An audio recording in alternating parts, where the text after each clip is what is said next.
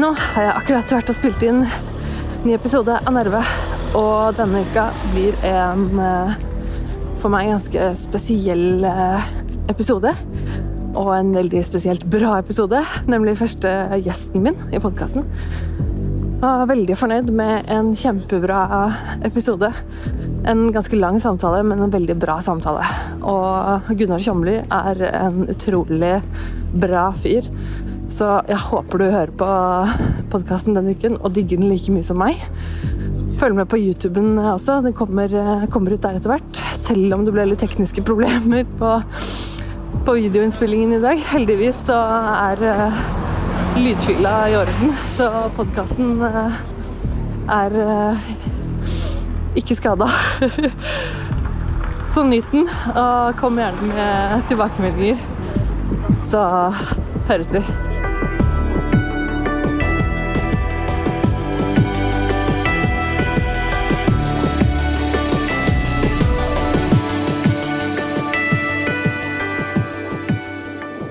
Jeg eh, åh, puster som vanlig. Men eh, jeg syns det er veldig deilig at eh, jula er eh, over.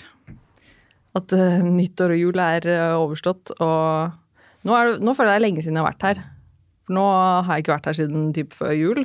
Så nå er det nesten litt sånn tilbake til Holdt jeg på å si tilbake til start. Det er ikke helt, da. Men i dag er en litt annerledes episode, fordi jeg har tatt mot til meg og um, ha med meg en gjest i studio. Uh, det er jo noe jeg ønsket å gjøre med denne podkasten, at jeg ønsker å ha litt samtale med folk. Helst om kanskje litt ting som er vanskelig å snakke om. Det er litt av uh, poenget med denne podkasten min, føler jeg. Uh, så jeg jeg tok en litt Jeg var litt chicken og spurt noen jeg kjenner, da. Bare for å gjøre det litt enkelt. Uh, men det er ikke bare fordi jeg uh, kjenner han at jeg har med Gunnar Tjomli i studio i dag. Det er jo selvfølgelig fordi at han er en awesome dude som er, er veldig kult å få med i podkasten. Uh, og så er det bare at jeg er så heldig at jeg kjenner han, så da var det liksom litt enklere å spørre. Um, så ja, eh, velkommen som aller, aller første gjest i Nærme-podkast, Gunnar Kjomli. Takk. Det er veldig, veldig kult. En stor ære. Ja, ja, ja. Ikke overdriv. Men det er veldig kult å ha deg med som gjest. Ja, det er kult å bli spurt. Jeg er så regel glad i å sitte og prate om ting, så det føles litt avslappende. Alltid fint å være gjest, for da kan jeg bare senke skuldrene og bare ja. prate uten at jeg trenger å føle noe ansvar for det som skjer. Hvorfor sa du ja til å være med? Det er flere grunner. Det ene er jo at jeg syns hele tematikken med dette å snakke om ting som det er vanskelig å snakke om, er viktig. Det er jo noe som jeg òg har gjort mye, og fått mye pepper for, på å si. Både i blogg og i andre sammenhenger. Men jeg liker jo på en måte utforske tabuer, og utforske det som folk ofte tar for gitt, uten at de kanskje har tenkt over hvorfor de tar det for gitt. Eller snakke om ting som jeg føler vi burde tørre å snakke om, som mange bare skygger unna fordi det er vanskelig å snakke om. Mm. Så det er en grunn. En annen grunn er jo at du er jo også flink til å hjelpe oss dialogisk, så da må jeg jo gjøre noe tilbake igjen òg. Stille opp her for deg. Ja. Jeg, jeg syns jo det er kult Altså, dette er jo veldig uvant for meg. Jeg har jo jeg har vært med mange ganger i dialogiske studio når dere har hatt med gjester, og jeg sitter jo der hver uke sammen med dere. Men jeg holder jo som regel kjeft så godt jeg klarer. Og så jeg på en måte har overværet ganske mange av disse samtalene. Men jeg, det er veldig rart å sitte, sitte, her og skal åpne kjeften på en måte når du også er her, eller i denne settingen her. Det er veldig rart. Det er vanskelig å begynne første gang. Ja, det er, det er, litt sånn tricky. Det blir liksom noe helt annet med en gang. Det er vanskelig å sitte og prate når det er bare meg, men det er også liksom vanskelig på en helt annen måte når jeg skal ha ansvar for noe for noe ordentlig som skjer. ja. Men uh, jeg ønsker jo ikke at det skal bli et sånn veldig sånn intervju. Altså jeg har kanskje notert noen spørsmål, men, men jeg tenker at det er like, like liksom lov å spørre meg om ting. Jeg trenger ikke at det skal være sånn at jeg skal sitte og grille deg. Nei, Det er jo alltid utfordringen med gjester som jeg merker dialogisk, at vi har jo den filosofien at vi skal jo ikke ha intervjuer. Vi kommer jo ofte relativt uforberedt, fordi vi stort sett vet hva den personen vi har med, er engasjert i, og den grunnen til at vi er invitert i, og liksom tenker bare å snakke litt rundt det. Ja. Men så har vi jo hatt gjester som en oppdager liksom aldri sier noe mer enn akkurat det du spør om. Ja. Vi er så vant med at vi var heldige og hatt veldig mange bra gjester, og mange av de er sånn du bare setter de i gang, og så er det uendelig mye å prate om. ja. Men når du da plutselig får en gjest som egentlig ikke sier så mye mer, så plutselig Oi, nå, hva skal vi nå snakke om? Da sitter du med hele ansvaret. Ja. Ja. Så det vet en jo aldri, det må jo bare ta så det kommer. Så det er alltid lurt å ha noen spørsmål notert, som backup just in case. Men i beste fall så trenger en jo ikke bruke spørsmålene, for det bare går av seg sjøl. Ja. Det er jo Jeg vet jo ganske godt hvem du er. Vi kjenner jo hverandre ganske godt nå etter hvert. Jeg har ikke kjent deg så lenge, men jeg føler vi kjenner hverandre ganske godt. Vi henger jo sammen ganske mye. Og, men det er kanskje ikke alle som vet hvem du er. Men eh, For du, du, du driver jo med ganske mye. Du er mann 44. Du er forfatter. Du er foredragsholder. 44,5. Forfatter, foredragsholder. Du er blogger. Du driver med podkast. Du er skeptiker. Du driver med YouTube. Du er pappa, og du er et menneske. Men hvilken, hvilken rolle er vanskeligst, syns du? Og hvilken er som definerer deg mest? Tja, jeg syns jo det er vanskelig å Jeg syns det å være menneske er ganske vanskelig. Ja. Jeg syns folk er slitsomme. Jeg syns det er vanskelig å forholde meg til mennesker. ja. Jeg merker jo Det er sånne ting en oppdager når en blir eldre. Så når du er ung, så er du jo bare den du er, og kanskje det varierer veldig fra person til person, men jeg jeg har jo alltid vært veldig opptatt av å tenke på forskjellige ting. Men jeg kanskje ikke helt klart å, å se meg sjøl oppi det hele, hvem jeg var.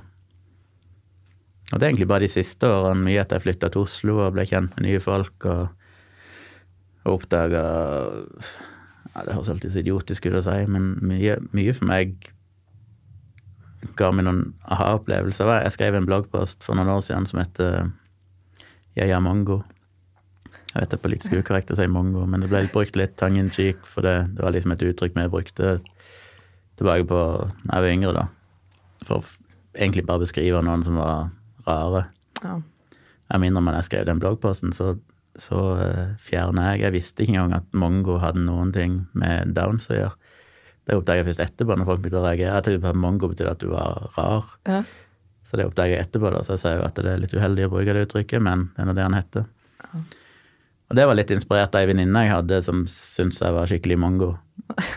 og så og klagde på mange av de tingene jeg gjorde, på en humoristisk måte. Det var ikke noe vondt meint, men så ba jeg henne skrive ei liste kan du skrive ei liste over alle de mongo-tingene med meg. Og så ga hun meg ei liste, og så skrev jeg en bloggpost ut for det, der tok for meg punkt for punkt på den lista, og liksom skrev hvorfor det var sånn, og om jeg kjente meg igjen i det.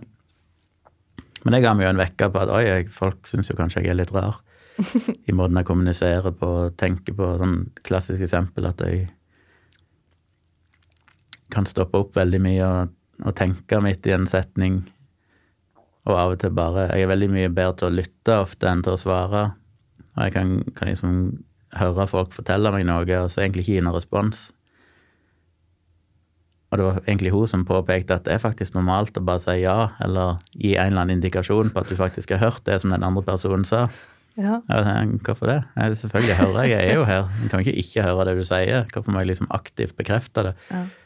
Det føltes bare som Og det er sånn generelt for meg Hva var det ei venninne av oss som spurte meg når du smiler, eller et eller annet sånt. Jeg svarte vel at smil når det er nødvendig, eller noe sånt. Men det er litt sånn, hvis ikke det er nødvendig, hvorfor skal jeg gi ansiktsuttrykk og smil og signaler på følelser hvis ikke jeg liksom føler det eksplisitt nødvendig i en situasjon? Så de der sosiale interaksjonene med liksom bare gi positiv bekreftelse og tilbakemeldinger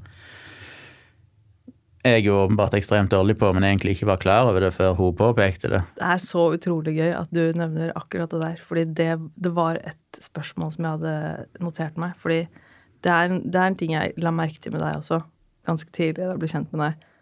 At du fremstår sånn For meg, da, så fremstår du veldig sånn avbalansert og veldig chill. Eh, og som jeg pleier å si, at du fremstår litt sånn lite animert. Ja. At du Du har ikke så mye følelser utapå kroppen. Så du, du fremstår veldig sånn behersket og rolig og kanskje litt alvorlig også mange ganger. Og jeg vet jo at du har mange følelser på innsiden, på en måte. Men jeg lurer liksom på hvor, hvor Er det bevisst på noe som helst vis at du er sånn, eller er det Nei, det er det ikke er noen. Jeg, jeg mener, jeg har jo i alle år blitt tolka sikkert av mange som arrogant, fordi at jeg bare ikke gir så mye respons. Ja. Men det er bare det faller ikke naturlig, det som jeg har sagt ofte, at jeg smiler veldig mye, men det bare vises ikke på ansiktet. ja. Og det er, høres litt rart ut, men det er, helt, det er veldig mange ganger jeg tror jeg smiler, ja. men jeg smiler ikke fysisk. Mm. Jeg smiler inni meg, men det er liksom ingen muskler som beveger seg i ansiktet. Og det er jo en ting jeg måtte jobbe med de siste årene. Det er liksom prøve aktivt tenke nå må du fysisk dra opp smilebåndene her Ja. for å gjøre det synlig. Så jeg må liksom fake smil på en måte, for ellers vet jeg at de andre kan ikke vite at jeg egentlig smiler hvis ikke jeg fysisk smiler. Nei, det er vanskelig å vite. Men det er bare sånn, jeg vet ikke hvorfor det er sånn, men etter den bloggposten så var det en eks av meg som sendte meg en, en Eller var det jeg som fant det sjøl, jeg husker ikke. Men iallfall en artikkel på ei side for Asperger, der det var en sånn dokument som heter 'Hvordan leve med en voksen venn som har Asperger', eller noe sånt. Ja, ja. Og Nå er vel ikke jeg Aspergers, men jeg kjente meg jo så igjen i veldig mange av de tingene, og det var en sånn skikkelig vekker for meg. Bare lese det, og det, det, det, er jo akkurat sånn jeg er med disse tingene. Og det ga meg en slags ro på en måte, da, for jeg følte plutselig at ja, så Det er ikke bare jeg som er weird, det er jo på en måte en slags forklaring, eller det er bare hjernen min som er sånn. Men det er slitsomt, for det. jeg synes jo Jeg er jo veldig introvert og omgås jo mennesker relativt lite. Hvis ikke jeg må. Trives veldig godt i mitt eget selskap og har liksom alltid et eller annet å drive på med. Men da jeg vokste opp, så var jeg jo sosial. Jeg mener, jeg har alltid hatt mye venner og hengt med venner og sånn.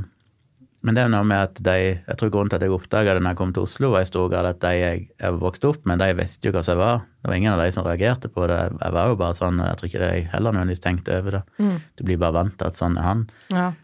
Mens når jeg kom til Oslo og for første gang begynte å bli litt sosial og treffe Ja. nye folk, så reagerte jo de, for de var liksom ikke vant med det, at jeg ikke gir noen uttrykk for følelser. Eller. jeg lurer på jeg lurer på om kanskje om jeg blir liksom omvendt der oppfattet. Fordi eh, jeg vil også måtte klassifisere meg selv som veldig introvert. Jeg blir veldig sliten av mennesker, liker stort sett ikke mennesker. Og i motsetning liksom, til ofte når man snakker om folk som er ekstrovert, så får de energi av å være sammen med andre mennesker og være sosial. Men hvis du er litt introvert, så er det ofte omvendt at du blir litt sliten, at det er liksom krevende å være sammen med andre mennesker og være sosial. og Sånn. Jeg kjenner meg veldig igjen i det. da. Jeg blir litt sliten av mennesker, sliten av å være sosial, sliten av å liksom fungere med andre mennesker og det med kommunikasjon og sånne ting. At det er på en måte, det er slitsomt, da. Men jeg tror veldig mange oppfatter meg omvendt. I hvert fall har jeg fått høre det mye før. At uh, hvis jeg sier til folk at jeg er introvert, eller eh, jeg er ikke så glad i folk, og sånn, så blir folk litt sånn Hæ? Men fordi du er så Ja, men du er jo så Liksom Men det er ikke helt uvanlig, og, og jeg er veldig sånn Jeg er jo veldig animert, sånn i motsetning til deg, så er jo jeg veldig sånn at jeg gjør mye ut av meg. Ja, så lurer jeg på om det er noe fordi at du er slitt med psykiske ting. Fordi Ja. at jeg har jo kjent andre som har det, og de kan, det de er veldig flinke til, det er jo denne her maska, på en måte. Ja. At det er veldig få som kanskje vet at de har problemer, fordi de virker jo så utrolig utadvendte og positive og blide. ja. Men når de er alene, så er de jo et vrak, liksom. Jeg lurer på om det er Så derfor. om det det kan være en slags maske når du lærer deg, og jeg tror kanskje jenter er bedre til det enn gutter, dette her med å liksom tilpasse seg, som er et sånn problem innenfor autisme, for eksempel, at det er jo veldig underdiagnostisert fordi jenter er så flinke til å liksom tilpasse seg sosialt, at du ser ikke symptomene på samme måte som en gutt, som ofte blir mer, Ja. eller mer synlig og kanskje blir utagerende på forskjellige måter. Sånn. Så jeg tror kanskje jenter er enda flinkere til det. Men jeg tror jeg føler liksom av og til at For det har jeg gått igjen med så mange jeg har kjent, som fremstår når du møter dem som veldig, veldig selvsikre og utadvendte og sånn. Men under overflata så er det jo noe helt annet. Så det kan være sånn tillært. Ja, jeg lurer på om det er liksom en del av det forsvaret jeg har satt opp, da, for at folk ikke skal se hvordan jeg egentlig har hatt det på innsiden, så har jeg liksom måttet være Mm. utad en sånn veldig flink og veldig sosial, veldig omgjengelig person. Og jeg, lurer liksom på altså, Er det det, eller er det liksom bare jeg, jeg, vet ikke. Det er vanskelig å si, da. Men, Jeg er jo eh, derimot var motsatt. Jeg har vært litt mer sånn ja, fuck verden. Jeg aner faen i hva de mener. Og så bare Og det er sånn jeg Hvis ikke de liker meg, så kan de bare ha det så godt. Åh, det er sånn jeg alltid skulle ønske at jeg klarte. da, Bare gi litt faen i liksom, folk og verden. og bare... Jeg bryr meg altfor mye da, om alt som skjer, og liksom, folk, hva de tenker, hva de gjør. og Jeg blir så kjempenevrotisk på sånne ting. Det er jo kjempeslitsomt. Så jeg må virkelig prøve å lære litt av deg på det, tror jeg. Være litt mer sånn gi faen i folk og verden. Men det er jo en sånn aldersgreie, da. Jeg merker jo, Det gjelder vel de fleste. Når du blir eldre, så bryr du deg jo mindre òg. En merker Ja. en bli tryggere i seg sjøl og ja, bare generelt sett bry seg mindre om hva folk måtte mene. Du snakker som om du er veldig gammel og jeg er veldig ung. det er ingen av delene som er sant. Du er ikke veldig gammel og jeg er ikke Nei, men jeg har alltid sagt at jeg gleder meg til jeg blir 50 og 60, for da tenker jeg jeg har en skikkelig sånn senro. Ja. Jeg er liksom på vei. Jeg merker at jeg har skjedd mye de siste ti årene, men, men det er jo lang vei å gå. Men jeg tror det er noe som kommer bare mer og mer. Ja. Da jeg eh, Sånn tidligere i dag så sendte jeg deg en melding. Spurte jeg deg om eh, det var noe du hadde lyst til at vi skulle snakke litt om i dag. For jeg, tenker jo at det er hyggelig å gjøre det når jeg skal ha med noen i studio. Tenker at eh, jeg har jo lyst til at vi skal snakke om ting som er litt vanskelig å snakke om, men eh, det kan jo være litt, eh, litt noe du som er på besøk, velger å snakke om også. Og så skrev du tilbake unormal seksualitet og utradisjonelle samlivsformer. Og det er veldig interessant. Der, vi, der, der føler jeg det er veldig mye man kan eh, Det er mye man kan ta av. Ja, det var jo litt diffust, for det rommer jo så mye. Ja, det er bare fint. Og folk som har hørt meg snakke før, er sikkert drittlei av det, for det er jo et tema som jeg aldri slutter å bli lei av å snakke om.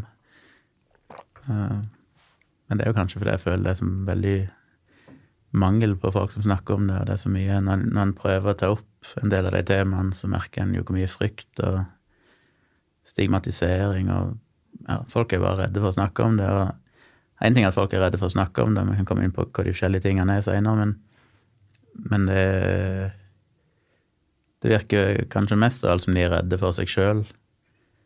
Altså, de ønsker ikke helt å utfordre seg sjøl og sine egne ideer omkring disse tingene fordi det er for ukomfortabelt å touche borti det. Det handler ikke så mye om nødvendigvis hva folk Men det handler om det òg, hva folk måtte tro om de utad, men um, et eksempel som jeg var opptatt av i det siste, er jo dette med polyamorisitet, eksempel, Mm. og naturisme. Og jeg ble så sjokkert når jeg diskuterte, jeg husker en gang jeg skrev et eller annet, det var noen som, jeg tror det var en artikkel i avisen om dette med å, å gutter og jenter som dusjer sammen, at det, burde, at det var en eller annen skole som hadde praktisert det, og jeg husker ikke hva som var saken, men jeg skrev vel et eller annet om at det måtte, burde være obligatorisk at unger ble lært opp til å dusje nakne, for det er jo et stort problem i dag, at nå tør jo knapt folk være nakne lenger i dusjen en gang etter gymtimen og sånn på skolen. Mm. Og folk er veldig redde for å tvinge noen til å være det, fordi det er så mange Alt fra kulturforskjeller til ja, forskjellige kjønnsgreier, og selvfølgelig er folk livredde for alt handler om overgrep, og nakenhet og barn er liksom livsfarlig, for tenk, tenk om noen skulle føle noen seksuelle følelser rundt det og sånne ting. Så folk er så redde for det, så jeg skrev et eller annet jeg mente det hadde vært jeg tror, det, jeg tror vi må gjøre en del grep i samfunnet for å snu den trenden, og med at folk blir mer og mer redd for nakenhet. For vi innbiller dere jo at vi blir på en måte mer og mer seksuelt liberale. Å, vi er så frie seksuelt nå. Kan, folk kan pule på Big Brother og Paradise Island, eller hva det heter. for noe. Ja. Og det er liksom frigjorthet, men det er jo ikke det. Det er jo bare, det er jo bare show. Ja. Den naturlige seksualiteten, det som handler om helt vanlige folk, er det jo fortsatt ingen i 2019 som egentlig vil snakke om. Mm.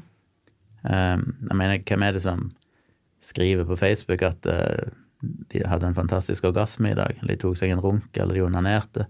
Ja, Altså, det er jo ikke sosialt akseptert å si det, noe som jeg finner latterlig all den tid, så godt som alle gjør det relativt jevnlig. Mm. Og det er ingen som egentlig skammer seg over det, men allikevel så kan vi ikke snakke om det. Mm. Ikke at det er så veldig viktig å akkurat si det, da, men det er bare sånn eksempel på hvor absurd det er at vi tror vi er så veldig liberale, men de helt vanlige, mest ordinære tingene som ikke er knytta til noen ting farlig på noen slags måte, kan vi fortsatt ikke si høyt. Men jeg diskuterte så jeg skrev da at jeg følte folk burde være Vi må liksom snu den trenden, vi må normalisere nakenhet. For det er så viktig med tanke på både overgrep og forebygge overgrep og liksom lære folk grenser. Og fjerne mye av mystikken rundt nakenhet og sånn. Mm. Uh, og så ble jeg så sjokkert over å se folk som jeg er venner med på Facebook, og sånn, som er veldig oppegående og moderne mennesker progressive meninger. Reagerte så negativt. Eh, Sammen jeg diskuterte polyamorositet, at liksom hvorfor, i- hvorfor i all verden må vi ha den ordningen med ekteskap? ikke den egentlig ekstremt utdatert? Hvorfor en Hvorfor skal staten i det hele tatt legge seg opp i hvordan folk velger å leve sammen og folks kjærlighetsliv? At vi kontraktfester det på en måte som staten Mm. bryr seg om, og liksom der støtteordninger og alle sånne her økonomiske greiene knytta opp mot liksom ekteskapet. Mm. Og etter hvert er så begynner en- jo fått litt mer styrking av rettene til samboerskap og sånne ting, men det er jo fortsatt basert på liksom to personer. Ja. Normalt mann og kvinne, selv om det har blitt myka opp i de siste årene. Ja. Men det er liksom sånn, ja Jeg husker jeg leste en gang det i et sånn skeptikermagasin som heter Skeptical Inquirer, tror jeg, amerikansk. Mm. Som jeg ikke hadde tenkt på før da.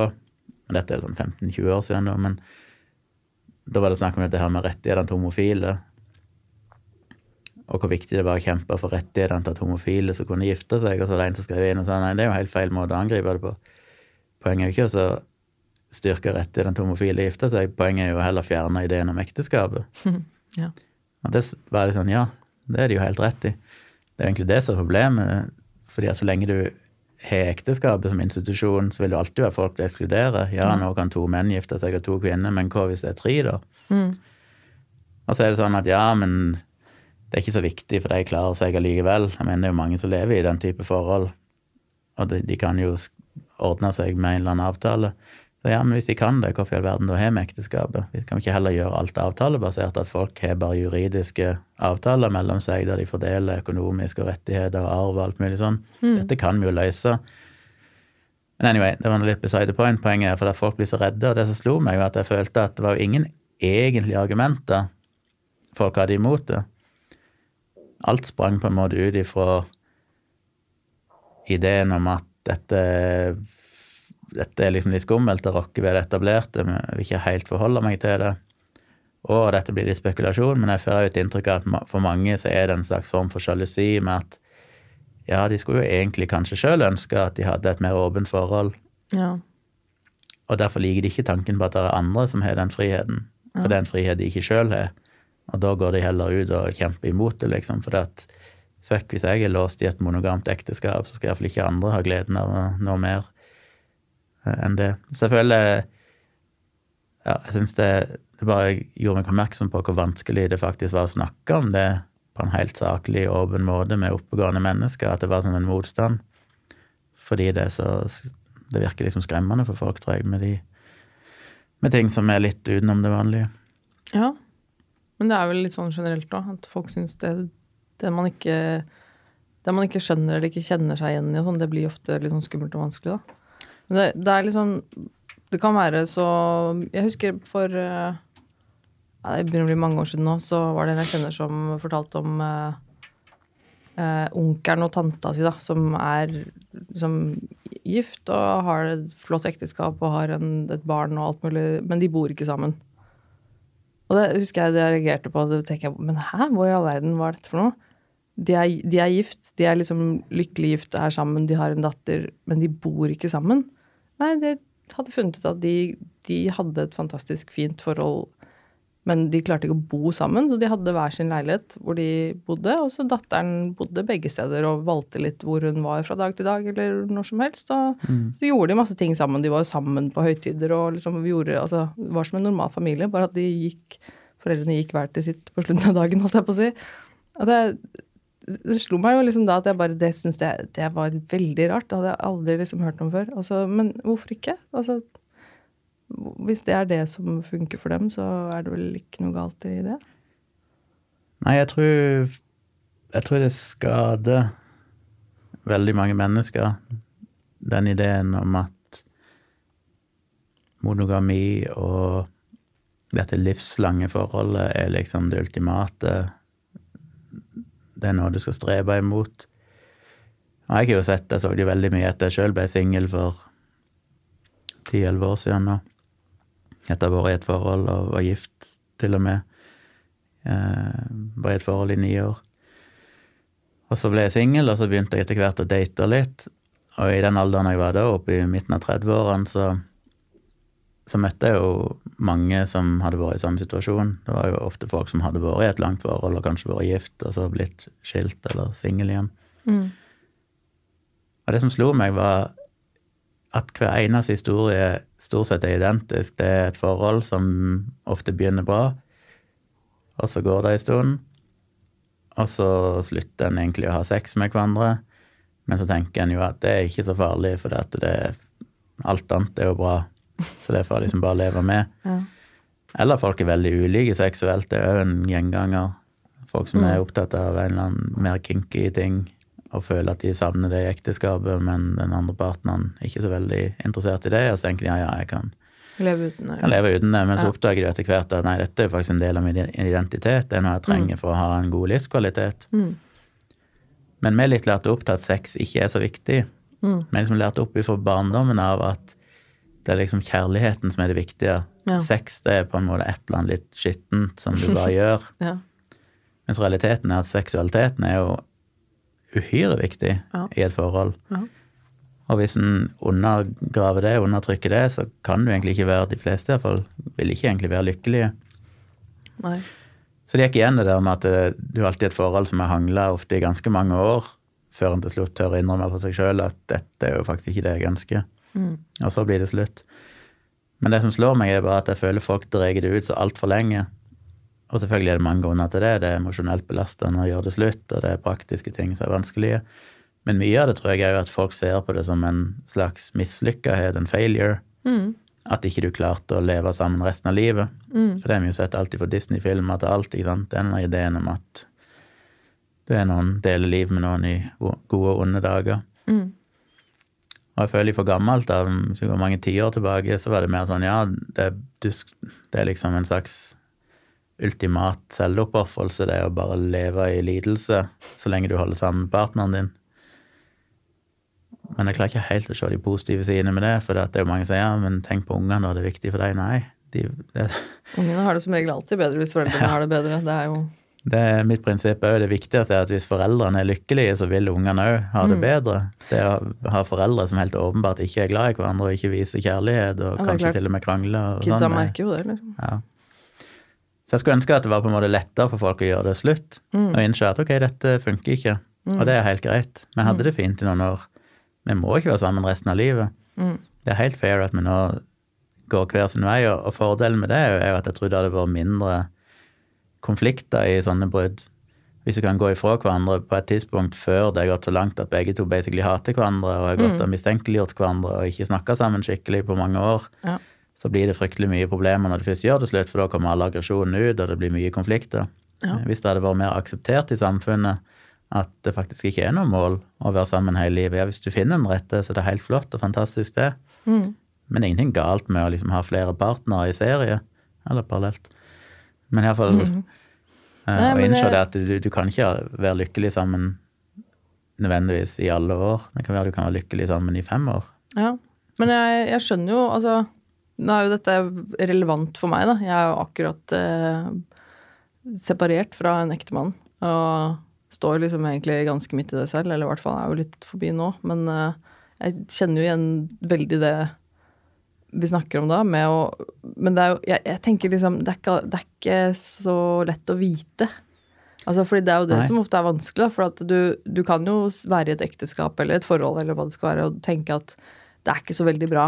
Det går ikke så veldig bra nå. Det har ikke vært bra på en god stund. Sånn som det er nå, sånn vil jeg ikke ha det.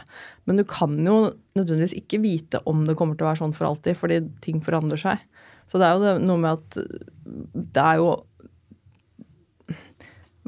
Skal man ta den sjansen? Skal man våge å, å ta den avgjørelsen om at, eh, at man går fra hverandre med alt det innebærer? Og liksom, for da vil du jo samtidig si at du ikke tror det kommer til å bli noe som er verdt å samle på heller, hvis du skjønner hva jeg mener. Og det, så det blir jo på en måte Skal man velge å tro at det kan bli bra i fremtiden, eller skal man velge å tro at det ikke blir det, på en måte? Det er ikke så lett å vite. Nei, det er vanskelig å vite. Da jeg var i, i, mitt forhold, så var ikke jeg, så var jeg jo ganske bevisstløs fordi jeg hadde ikke erfaringen. Jeg hadde ikke vært i noen lange, sånn virkelig lange forhold før, så for meg så var det litt sånn dette er sånn det er, og det var greit nok. Og det var jo mest fordi jeg var jo ikke egentlig ærlig med meg sjøl, og hadde aldri turt å gjøre det slutt, for det virka jo helt uoverkommelig. Mm. Så jeg har jo alltid vært sjeleglad for at hun jeg var sammen med den gang, faktisk tok det grepet. og liksom tok opp at dette her faktisk ikke funka sånn. Ja. Uh, selv om det var et sjokk for meg, for jeg var så blind, men det tok ikke så lang tid før jeg så tilbake igjen og sa ja, fuck, hun er jo helt rett, dette er jo ikke egentlig vært mm. Dette, Her er jo ting som ikke var bra. Så det er selvfølgelig et aspekt. Jeg mener jo heller ikke at uh, du har en dårlig dag, så skal du gjøre det slutt. En skal jo selvfølgelig jobbe med det. Mm. Men det er jo så mange som har jobba med det og prøvd å snakke om det mm. over lengre tid, og det skjer ingenting. Mm. Og ja, du har jo aldri noe fasit. Men det er jo veldig sjelden jeg har sett jeg, sånn, rent anekdotisk, hvis ting først er dårlig i et års tid eller to, så er jeg ennå til gode omtrent å se at noen plutselig bare reparerer forholdet, og så blir alt helt strålende igjen. Ja. Selvfølgelig kan det skje. Det kommer sikkert litt an på hva som er grunnen til at det skurrer òg, selvfølgelig. Selvfølgelig.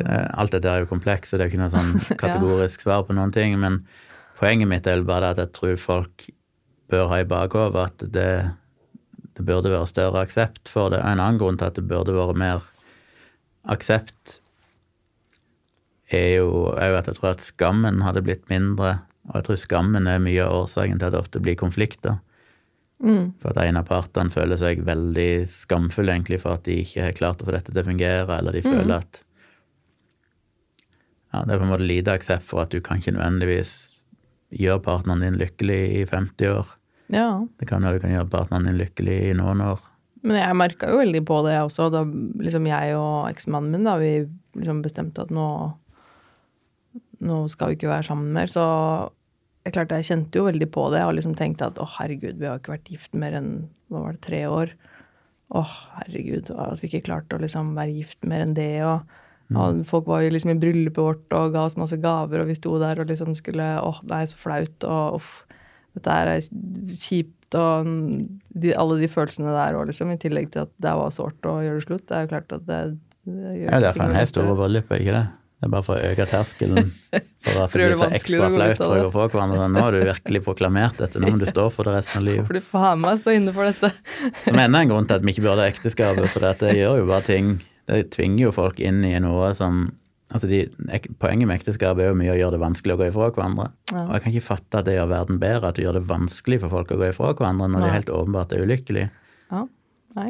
Det er jo en sånn veldig 1950-tallstanke at ja, da skulle du ha sammen resten av livet, og det var kanskje viktigere i den tida, fordi kvinner ofte ikke arbeider, de trengte noen som kunne forsørge dem, osv.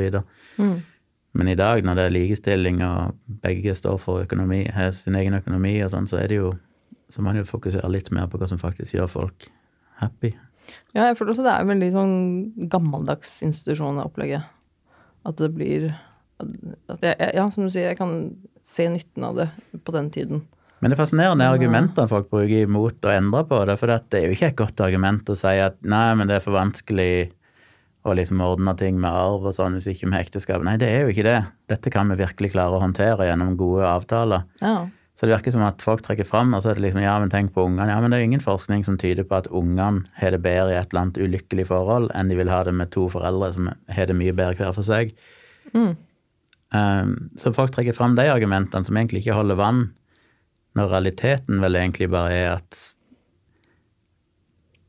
at det er for skummelt å tenke på Ofte er det jo folk som er gift sjøl, og sånn, folk liker ikke å innrømme at kanskje ikke dette var den beste løsningen, eller kanskje jeg hadde vært lykkeligere. Mm folk er livredde for å innse at hvis de hadde valgt noe annet, så kunne de kanskje vært lykkeligere, så de vil heller på en måte bare aktivt fornekte det. Ja, selvfølgelig. Det er jo kjempevondt å måtte innrømme det for seg selv. Ja. Men derfor trenger vi en, en holdningsendring i samfunnet. Mm. Fordi det vil gjøre det lettere for individet å innrømme det for seg sjøl. Per nå så er det for Det høres jo så banalt ut at nå som en diskusjon om ekteskap er tabu, men det er jo faktisk nesten det. ja. Når jeg sier ekteskap, men det gjelder jo samboerskap, egentlig alle sånne organiserte former som Som på en måte har som et slags prinsipp om at ideen om at du alltid skal være sammen. Mm. Så det er iallfall én ting jeg har reagert, reagert på og skulle ønske vi kunne gjøre et eller annet med. Jeg kommer til å gi min stemme til det politiske partiet som tør å ta opp den saken og si hæ, kom og avvikle ekteskapsinstitusjonen om ekteskapet. Mm. Og heller bare gjøre dette mer fleksibelt. Ja, og bare det Ja, og som du nevnte, jeg var litt inne på tidligere òg, at det er sikkert ganske mange ekteskap og forhold som har røket til helvete av eh, at man ikke er ærlig med seg selv, da. Ærlig med hva man trenger, kanskje da også, også seksuelt, og det man egentlig trenger, men som man føler at man, man, man føler at man må passe inn i den, den de normene som vi har i samfunnet. Da. At man må liksom man, Alle skal liksom ville gifte seg og skal ville ha barn og skal liksom leve med den ene personen for alltid. Og det er liksom det som man skal i gåseøynene. At man føler at man må passe inn i de ønskene der. Ja, for skam er jo det overordna oppi alt dette her. Det er jo fryktelig mye lidelse i samfunnet som er drevet av skam. Og det kan være alltid fra religiøs skam til seksuell skam til liksom så mange ting som har fellesnevneren skam. Og jeg føler vi alle har et ansvar om å snakke ut om ting. Det er jo en av de tingene jeg har vært litt opptatt av, at jeg tenker ok, det kan være flaut, og det kan være vanskelig, men hvis noen tør å snakke om det, så gjør det det litt lettere for andre å snakke om det. Mm, absolutt. Så derfor har jeg snakka ganske åpent om alt fra naturisme til BDSM til polyamorisitet, og bare tenker ok, noen må bare si det. Mm. Så kan folk være enige eller uenige. Men jeg tror jo dette med det seksuelle som vi var inne på tidligere, er jo Det er jo en tragedie at vi Jeg leste jo en bok for noen år siden som heter Perv, The Sexual Deviant in All of Us, av Jesse Bering, som er en psykolog. Som er veldig fascinerende. Han egentlig bare går gjennom seksualiteten. Altså hvor mye rar i seksualitet som finnes, hvor mye folk kan tenne på og like, og på en måte vise at dette og vise til forskning og statistikk som viser at nesten alt folk tenker er veldig spesielt, og dette er det bare jeg som tenner på, og dette er flaut, jeg kan aldri si dette til noen, og sånn, Mm. er jo stort sett mer normalt enn det folk tror. Ja. Og jeg blir så, så deprimert at til og med nå, i 2018-2019, når avisene skriver om f.eks. BDSM, Mm. Så blir det jeg mener ikke var det var i Dagbladet som hadde en artikkel nå bare for et par uker siden om BDSM, og så blir det alltid fremstilt som at dette er en slags mystisk sexkult. ja. Dette driver norske BDSM-ere med. Så Ja. sånn, ah, dette er noe veldig spesielt. ja. Mens realiteten at BDSM i alle slags grader fins jo i større eller mindre grad i de fleste forhold. Mm. Eh, men det, jo, det blir liksom fortsatt assosiert med noe veldig sånn sært og spesielt. Og, Mm. det- og det gjør det vanskelig å snakke om. Så BDSM er én ting, men det er jo alle former for tenningsmønstre. Jeg mener, Vi har jo etter hvert klart å normalisere det å tenne på noen av sitt samme kjønn, som òg var tabu for helt fram til ikke så veldig mange år siden. Så kunne du egentlig ikke stå fram som homofil. Mm. Men det kan du jo heldigvis i dag, men vi er jo så lang, og da føler vi på en måte at se her nå igjen, hvor åpne vi er blitt. Men jeg mener, det er jo den mest basic tingen. Ja. Under der igjen så er det jo en milliard forskjellige ting som vi ikke snakker om. Og nå er det jo lenge siden jeg gikk på skolen, jeg vet ikke helt hva de lærer i skolen i dag, men jeg håper jo at de er flinke etter hvert til å snakke mer om alt fra BDSM til andre former for seksualitet, og bare og gjøre det på en måte som ikke fremstiller som at dette er noe utenom det vanlige, eller dette er noe spesielt. Men fremstiller det som at dette er det seksualitet er. Dette, Sånn er det for alle, Mm. i varierende grad.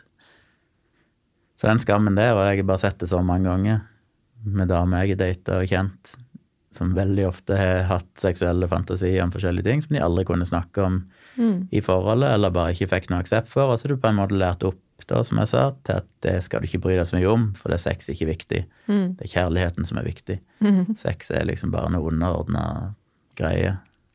Jeg tror vi trenger å være tydeligere på at seksualitet faktisk er vel så viktig som det meste andre i et forhold. Og det er ingenting som er skamfullt med å si ok, vi passer sammen på alle disse andre områdene, men vi passer ikke sammen seksuelt. Mm. Og det er ikke det betyr ikke, det, det skal ikke liksom være det er ikke så farlig, det skal være akkurat like viktig som at du passer sammen gjennom kommunikasjon og personlighet og interesse og alt det andre. Ja. Det er ikke noe skittent eller skamfullt med å si det. Det er faktisk viktig. Ja. Ja, nei, for det med den derre Ja, at hvis du du er sammen med en person som du som du liker veldig godt, og som, som alt er liksom perf. Og så har den ene personen kanskje noen ting som de tenner på seksuelt, eller som de har lyst til å prøve, eller et eller annet. Så er det jo ikke sånn da normalt sett i vårt samfunn at det vedkommende bare kan gå og gjøre det med noen andre, men fortsette å være sammen med vedkommende. Altså, da er man utro. Og hvis man er åpen om det med hverandre og begge syns det er greit, så er man unormal. Det er liksom Og jeg syns det er så Ja, På en måte syns jeg det er så rart også å forvente at man eh, At to mennesker skal være sammen i et forhold, og så skal man utfylle hverandres behov for absolutt alt hele livet. Det, er jo en stor illusjon, den ideen om at du skal være alt for partneren din. Og så har jeg aldri helt skjønt hvorfor vi har singla ut seksualitet som den ene tingen som du Mm. aldri kan dele med andre. For la ikke si at mannen i forholdet er lidenskapelig opptatt av fotball Mm. Og går og sparker fotball med vennene sine fire ganger i uka. Det er ingen som ville reagert på det Jeg sier nei, nei, det får du ikke lov til. Skal du sparke fotball, så må du gjøre det med meg. Jeg Mm. vil ikke at du skal liksom finne den gleden med andre mennesker. Det må jeg kunne gi deg. Mm. Ingen som sier det, og det gjelder egentlig alt. Du kan ha alle interesser og lidenskaper du vil, og dele det med andre. Mm. Du kan treffe andre mennesker og elske å sitte og drikke kaffe og prate med dem i timevis. Helt greit. Mm. For de fleste det er noen som er veldig sjalu og ikke liker det heller. Men, Jo. men når det gjelder sex, derimot, det skal du aldri kunne få gjøre med noen andre, for der skal jeg kunne oppfylle alle dine ønsker og fantasier. Mm. Og det finner jeg òg veldig rart. Og òg en ting som jeg tror hadde redda fryktelig mange forhold. Ja. Hvis det var sånn at ok, vi har faktisk et bra forhold, Mm. men seksuelt. Og det går jo tilbake igjen til alle disse historiene jeg har hørt tidligere, primært av damer, da, siden det er damer jeg data, men ikke sant, der de Jo, forholdet var jo egentlig bra, men kanskje det seksuelle ble et så stort problem. Mm. Hvis du kunne da levd det ut med noen andre Det er ikke alltid det funker, for det er ikke sikkert det er det du vil ha. Du vil ha det med den ene partneren, og det er helt fair. Mm. Men for en del så kunne du faktisk ha godt og fått det hos noen andre, Mm. og så kunne det forholdet bestått og vært helt topp. Og det syns jeg er trist på en måte, at vi har den merkelige ideen om at alt skal kunne deles, bortsett fra det seksuelle. Da må du kun holde deg til partneren din. Ja. Og det er ingen Folk vil jo fort argumentere med at ja, men det seksuelle er liksom, det er så veldig personlig og nært. Ja, det er jo det. Delvis biologisk, men òg veldig mye fordi samfunnet har gjort det sånn. Jeg tror hvis det var blitt mer normalisert, og vi er jo litt i ferd med en sånn en organisasjon som Pol i Norge, som de siste årene har jobba veldig mye for å fremme ideen om poliamorositet og kjempe for rettighetene til polyamorøse og sånne ting. Samtidig som de er klinkende klare på at det er ingenting selvfølgelig galt med monogami, monogami og det å ha en partner. Det er helt men poenget at det må være valgfrihet. Folk må finne den samlivsformen som passer dem. Um, så føler jeg jo at det er blitt bitte grann mer akseptert når jeg snakker om det det var Det er ikke så mange år siden før folk knapt hadde hørt om at det gikk an å leve sammen med enn to personer. Mm. Så det går jo sånn sett litt i riktig retning. Men det å fjerne mye av den der ideen og Jeg blir så sjokkert. altså når jeg, jeg husker jeg hadde ei som jeg kjente som levde i et åpent forhold. De var ikke polyamorøse, så de hadde ikke flere kjærester, men de hadde liksom bare et åpent seksuelt forhold. og hun hadde møtt en, eh, en gammel klassekamerat på en sånn klassereunion. Og så endte de opp etterpå med litt hanky-panky og lurte på om de syntes det var godt å ha sex. Og begge to var i forhold. Mm. Men hun sa jo til han da at eh, dette er helt greit for mannen min, og han kom til å få vite om dette, for det er vi er helt åpne om det. Mm. Og da fikk jo han andre, som òg var i et forhold, helt sjokk. For han, hvis han gjorde det, så var han jo utro. Men det er på en måte mer akseptert. Ja. Det å faktisk være utro er på en måte sånn at ja, ok, det, og det er det jo så mye av. Jeg mener, hvor mange er det? En betydelig andel av for, i forhold er jo utro. Mm. Men merkelig nok så ser vi på det som mer sånn ja, folk er utro, det er liksom umoralsk, og det er ikke greit. Mm. Men det er nå sånn det er. Mm. Men hvis vi har sex med andre og er helt ærlige om det, Mm. gud forby, det er jo det mest sjokkerende folk kan høre. Hvordan går det an, liksom? Mm. Det var en serie som eksemplifiserte det fint, som vi så. Wonderlust på Netflix, som handler om et par som eh, er sånn åpent Eller de finner ut at de ikke er lykkelige sammen seksuelt, men de har det fint på alle andre områder. Altså får begge seg, er begge to utro. Mm. Og så etter hvert så innrømmer de det for hverandre, og så finner de ut at hei, kanskje vi egentlig bare skal ha hver sin elsker, Mm. for det er det vi trenger. Og så har de det da en stund, og så finner begge partnerne ut at de skal fortelle den elskeren sin om at dette er noe som min mann eller kone faktisk vet om. Mm. Og da trekker de andre seg ut. Liksom, Shit, dette her er jo helt Ja. Dette vil jeg ikke være med på, liksom. Så det at du er utro er liksom helt greit, men Ja. hvis det er noe du er åpen om, at du plutselig er en elsker som partneren vet om, så er det plutselig fryktelig skummelt og fælt. Det er rart, og, altså. Ja. Og det syns jeg tok de så på kornet, for det er jo sånn folk reagerer. Ja, men jeg lurer på, det er, liksom, det er noe fordi at når det er hemmelig, så er det liksom ingen som vet om det. Da kan vi liksom bare late som det ikke fins. Da kan vi liksom Jeg vet ikke om det har noe med det. Også hvis man er åpen om det, og da, men da får alle vite om det. Da må er det liksom åpent at her er det noe rart. Så, eller Jo, men det er det der eller- selvbedraget som går igjen, dette her med at hvis vi kan bare late som om det ikke skjer, så er det greit. Men de som bare er ærlig innrømmer at det skjer, så er det forferdelig. Og Ja. jeg vet jo sjøl, hvis jeg hadde i et forhold hatt sex med noen andre og fortalt det til noen jeg kjenner, og sier du jeg endte opp og hadde sex med henne på en fest, så hadde det vært litt sånn Ja, kanskje noen hadde syntes det var galt, kan, men det er liksom det er noe du kan si. Mm. Men hvis jeg da forteller folk at uh, meg og partneren min vi har sex med andre, Mm. da får, jo, da får han jo de villeste reaksjonene. Det er sånn, Folk syns jo det er helt weird at det går an. Ja. Jeg bare klarer ikke å helt forstå det at det å være ærlig Og åpen er verre. Ja, nei, også så mye liksom rare fordommer og tanker som folk får i hodet sitt med en gang da. Med en gang man liksom begynner å snakke om at man er i et åpent forhold eller har flere kjærester eller hva det skal være. Så er liksom Og det er litt tilbake til det du snakket om tidligere om liksom med BDSM og hvordan det blir framstilt. Med en gang det er snakk om det, så, så dukker de der de vanlige liksom, tankene og fordommene opp med liksom at å putte folk i den båsen. At hvis du driver med BDSM, så er du den der typen som går på de klubbene og har på deg masse lakk og lær og liker å bli pisket og slått. Altså, hel, altså du, du putter liksom folk inn i de båsene bare for å få det til å stemme, føler jeg da. At man må liksom plassere det et eller annet sted for å liksom skjønne det.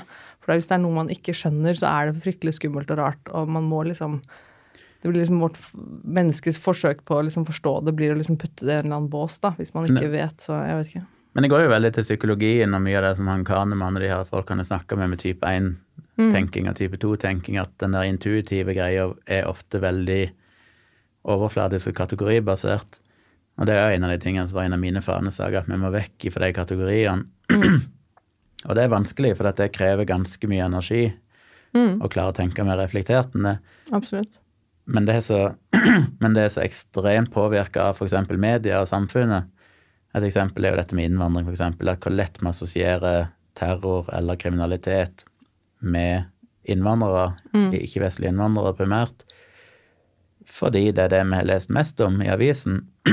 Statistisk sett er det ikke det som skjer mest, men det blir oftere omtalt. Det blir omtalt ofte større og mer dekkende. Dette skriver jeg om i den siste boken min. Jeg viser meg ganske mye forskning på det både i USA og Norge som viser at sånn er det jo faktisk når du ser på statistikken. Ja. Eksempel at alle, inklusiv meg sjøl, hadde en idé om at eh, folk som selger narkotika i USA, er veldig mye svarte amerikanere.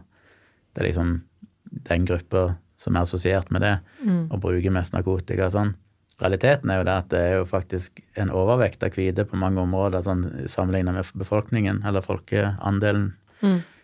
Eh, Men de blir jo for det første behandla vesentlig mildere i rettssystemet, for s- mindre strenge dommer og sånn. Pluss at det skjer mye mer på sånn colleges, og det er liksom mer sånn sosialt akseptert. Mm. Men hvis du er en svart amerikaner i gettoen, så er du plutselig en kriminell, farlig person. Mm. Selv om det er akkurat samme greia. Men media, i boken min så viser jeg jo hvordan media dekker dette med drap i USA, f.eks. Hvis en svart mann dreper en hvit kvinne, det er det som får mest dekning. Hvis en hvit mann dreper en hvit kvinne, så får det vesentlig mindre dekning. Mm. Og så videre. Hvis en svart mann dreper en svart kvinne, så er det jo ingen som bryr seg. Da blir det ikke skrevet om omtrent. Og derfor blir vi jo innprenta med det inntrykket at jo svarte er f.eks. mer er overrepresentert i forskjellige typer kriminalitet, selv om det ikke er realiteten. Eh, alltid, selvfølgelig er det det for noen områder, men det vil jo være varierende. Så dette påvirker jo ikke så til de grader. Um, hva var det vi snakket om? Uh, polyamorositet og Ja, men det å putte folken i båser ja, og båser, ja. Og det er litt det samme med både BDSM og òg når de skriver om svinging, eksempel sånn dette ja, I høst hadde de noen artikler om at dette driver nordmenn med, eller norske swingers med på Kanariøyene, eller noe sånt. Ja, Ja, ja, Men igjen så det høres ut som at dette er en sånn veldig spesiell gruppe. ja, ja. Og vi assosierer jo swinging med en form for løssluppenhet og, og eh, ja, på en måte det umoralsk, det er folk som ikke er så moralske, eller et eller annet sånt. Altså, vi, den, vi putter det i den kategorien, Mm. selv om realiteten er jo at swingers er jo alle mennesker. Mm. Det er sannsynligvis broren din og naboen din Eller lærerinna di og foreldrene dine. Ja. Altså, det er jo bare mennesker. Mm. Men vi klarer ikke å se på det. Vi må liksom putte det i en bås. Og i den båsen så er det aldri bare én ting. Den båsen rommer alltid veldig mange andre ting som er knytta sammen. Så hvis du er en swinger, så er du òg er du sex med alle du kan se, ikke sant? Eller Ja. det, eh, mens min erfaring er for alle folk som er veldig åpne seksuelt, enten det er swinging eller BDSM, er at det er jo de mest som regel moralske og ansvarlige personene. For det Ja. du må være det. Det fungerer jo ikke hvis du ikke tenker deg om. Mm. Eksempel innenfor BDSM så er det jo fort gjort å tenke at der må du ha mye overgrep og problemer. Mm. Eller swingers, da, eksempel. Mm. Mens realiteten er jo at Det er jo helt motsatt. det er helt motsatt. For hvis du går på en swingersklubb, så er det, så er det jo så strenge regler for Mm. hvordan du skal nærme deg noen, hvordan du skal få aksept. Du blir lært opp til at jo, du må ha eksplisitt samtykke. Du må liksom gjøre det på den og den måten for å faktisk skjønne at dette er noe som folk vil være med på. Mm. Folk som aldri har vært med i det, de tror at du kommer til å drikke deg full og så begynne å tafse på noen, så er det greit. Ja. Så jeg tror det er nettopp å ha den åpenheten gjør jo folk ofte til det motsatte av det folk tror. De blir veldig veldig ansvarlige òg om prevensjonsbruk, og det er jo mindre jeg vil, ja, Mulig jeg bare dikter opp den statistikken, men rent intuitivt så vil jeg anta fall at det er mindre kjønnssykdommer hos den type mennesker. Fordi de vet jo det at de har sex med flere, derfor må de beskytte seg. ja, så du, blir mer bevisst på det også, at du må på en måte ta det ansvaret, og du må Men folk som aldri har gjort det, de går jo bare på byen, og så er de sex, men de har jo ikke planlagt og de har ikke tenkt over det. Så da, jeg mener, risikoen er jo mye større da for at det skal skje noe, enn de som faktisk har det planlagt og vet hva det går ut på, og vet at dette kommer til å skje. Men det er de der forbaska kategoriene, samme det jeg har skrevet mye om, med pedofile mm. og overgrep mot barn. Hva som så hvis det er overgrep mot barn, så er du automatisk pedofil. Mm. Og hvis du er pedofil, så er du sånn og sånn, og det er liksom en gruppe mennesker. Mm. Så realiteten er at de fleste overgrep mot barn blir jo begått av folk som ikke er pedofile. Mm. Det er jo fordi de er deprimerte, de har et rusproblem, de er stressa, de er i en skilsmisse. Det er ofte veldig sånn kontekstavhengig at de ender opp med å forgripe seg. Um, men det vil vi jo helst ikke tenke på, Nei. for da kan det plutselig være meg og deg. Ja. Og vi er jo Og det ikke er pedofile. nei, ikke sant? Vi vil heller bare si at jo, det er de der Ja. prosentene som er pedofile, Ja. og de kan vi da enten bare stenge inne, Ja. eller fjerne alle rettighetene til, kartlegge de, og så er vi kvitt problemet, men da har du ikke gjort noen ting for å løse problemet. Du har sannsynligvis bare gjort det verre, for da gjør du det òg at de som faktisk er pedofile, har lavere Mm.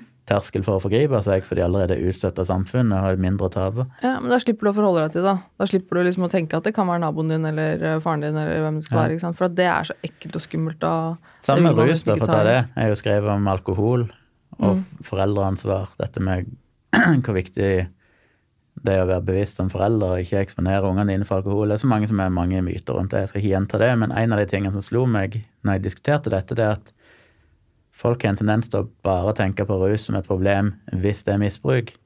Altså hvis, det er et, hvis du er alkoholiker, Mm. som er hva er det, jeg husker ikke tallet, 8% eller noe sånt, litt under 10 tror jeg av befolkningen regnes som å ha et alkoholproblem. Mm. Og da blir det ofte fokusert på at ja, men det er jo de som er problemet. Vi andre, vi drikker jo bare moderat. Mm. Men statistikken viser jo, og det viser jo de her som forsker på, det er jo veldig tydelig på det alltid, at det er utrolig viktig å huske på at det største problemet i samfunnet er jo alle som drikker moderat. Mm. Ikke fordi at de nødvendigvis er verre individuelt sett, men de er jo så mange flere. Ja. Så de største samfunnsproblemene med vold og kriminalitet og alt som kommer i kjøl og seksuelle overgrep og sånt som kommer i kjølvannet av rus, Mm. er jo ikke alkoholikeren, for de er så få i utgangspunktet. Mm. Det er jo alle vi som bare drikker litt av og til. Mm. Uh, og det gjør det jo veldig enkelt å ikke ta tak i de problemene som alkohol faktisk medfører for samfunnet, for det er jo når det gjelder ting vi tør å snakke om, det er jo kanskje et av de største samfunnsproblemene vi har. Men det er jo helt sjokkerende hvor lite det blir snakket om. Mm. Altså Det er latterlig alle de tingene vi skal liksom kjempe imot. og sånn. Igjen dette med seksuelle overgrep. Vi er ekstremt opptatt av å liksom ha strenge straffer, og overvåking og regler og sånn, for realiteten er jo at det er jo rus som ofte er problemet. Mm. Det gjelder voldtekter og sånn òg. Det er jo en betydelig andel, et flertall av voldtekter sånn som skyldes der alkohol er innblanda. Mm. Men det vil vi aldri snakke om. For det ingen skal ta fra oss det glasset med vin, Nei, det er helt absurd. for da er vi en del av problemet. Ja. Og igjen er det de kategoriene at du ønsker å plassere folk i en bås Så vi kan skyve det Ja, vekk. fordi og der, er oss gjelder det bare vekk. de menneskene som er de ekstreme, da. De som ikke er deg, ikke sant. Ja. De som har et problem med det. Og det er ikke meg, for jeg drikker jo bare så og så lite. Eller jeg er en av de alle de normale som bare går på byen en gang i uka, ikke sant. For da, da, det ikke, da gjelder det ikke deg. Det ikke du, da må ikke du gjøre noe med det. Da legger du ansvaret hos noen andre, eller da legger du liksom skylden på noe annet. Og det det er mye et- lettere å gjøre det. Ja, det er et stort problem. Jeg Mm. ble sjokkert over den motstanden jeg fikk når jeg bare antydet at kanskje du ikke trenger å drikke vin til julemiddagen. Ja, åh, det kan jeg tenke meg. Og folk ble så forbanna. Det var liksom ikke sånn, selv om det finnes jo ingen argumenter så jeg kan se som tilsier at jo, det er fornuftig. Mm. For det er det jo helsemessig farlig for individet. Men det andre er jo all forskning som peker i retning av at det påvirker barns alkoholvaner senere i livet. Mm. Øker risikoen for både overgrep og kriminalitet og vold og alt dette her. Mm. Eh, at generelt sett så begynner de å drikke tidligere og mer hvis de blir eksponert for alkohol. Men det vil ikke folk ta tak i, og det er så fascinerende, for det er jo jeg mener, hva er det? det er jo forskjellige tall, og det var omdiskutert, men hvor mange jeg vet det var lagt fram 300 000 barn eller et eller annet sånn gruer seg til jul pga. foreldrene drikker. Mm. Mulig det tallet er overdrevet, men om det så bare var, fem, bare i går så var 50 000 barn, Ja. ikke det er ganske alvorlig? ja. Og de eneste som på en måte driver kampanjer mot, er liksom sånne rusorganisasjoner som folk ser på som ah, er sånne ekstremister og pietister. Men det er jo helt fascinerende at ikke hver eneste organisasjon og politiske parti har det på programmet at uh, vi må virkelig gjøre et eller annet med rus og alkohol. Fordi at det er jo overskygger jo nesten alle andre problemer det blir snakket om. ja. Hvis det er en sånn liten ting som rammer 20 unger i Norge hvert år, så kan det ofte bli for ekstremt fokus. Mens det som rammer så mange flere, men som vi alle er en del av, det vil vi helst ikke ta tak i. Jeg tror det sitter så langt inne for folk å liksom å se på seg sjøl, holdt jeg på å si, da. Og liksom og, og kanskje bare den tanken på at men, må jeg gi slipp på det ølglasset? Eller Mm. å nei, kan jeg ikke få drikke det, den, den vinen, liksom? Altså sånn jeg, jeg vet ikke. Det sitter langt inne. Men det kan en jo. Det blir jo litt som med det gun control i USA, der liksom folk er livredde for at de ikke skal kunne ha et våpen. Men poenget er jo det nei, det er ingen som sier du ikke skal kunne ha et våpen. Det handler jo bare om ulike former for reguleringer Mm.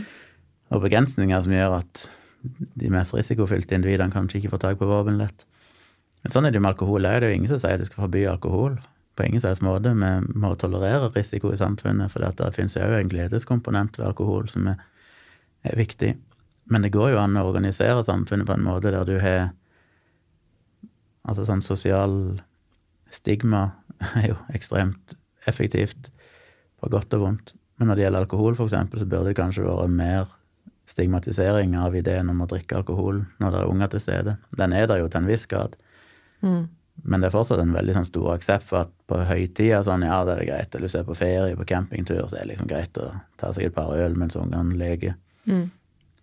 Men det, det er litt som med alkohol og svangerskap. Eller røyking og svangerskap. Der har vi på en måte innført den der sosiale stigmaen. at Hvis du har Ja. en sigarett og er gravid, så blir du liksom Da blir du uglesett. Og det er nå kanskje bra, ikke sant? for det Mm. vet vi jo er skadelig. Mm. Men vi burde kanskje komme oss der på en del andre ting òg som helt åpenbart er skadelige. Mm. Problemet er at å være gravid er jo òg en subgruppe i samfunnet til enhver tid. Ja. Og det rammer ikke menn.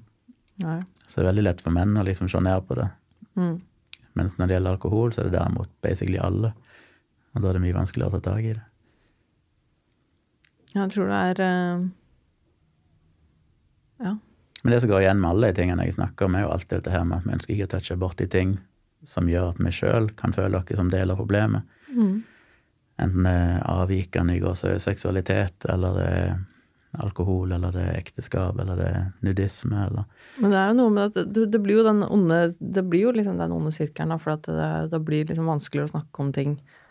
Og når vi, når vi ikke snakker om ting, så blir det jo unormalt i folks øyne. Og da blir det også vanskeligere å snakke om. Altså det blir den derre Og jeg, jeg, er tenker at det er så derfor det er så viktig, da, å faktisk snakke om eh, altså utradisjonelle samlivsformer eller unormal i gåseøyne seksualitet og sånne ting. For det er jo Det meste av de, disse tingene er ikke unormalt og veldig mye mer vanlig enn det folk tror, da. Men det er fordi at vi ikke snakker om det, og fordi det er så tabu og det er så vanskelig, og man føler seg så annerledes når man snakker om det. Så kommer det jo ikke frem hvor vanlig det egentlig er, eller og de tingene.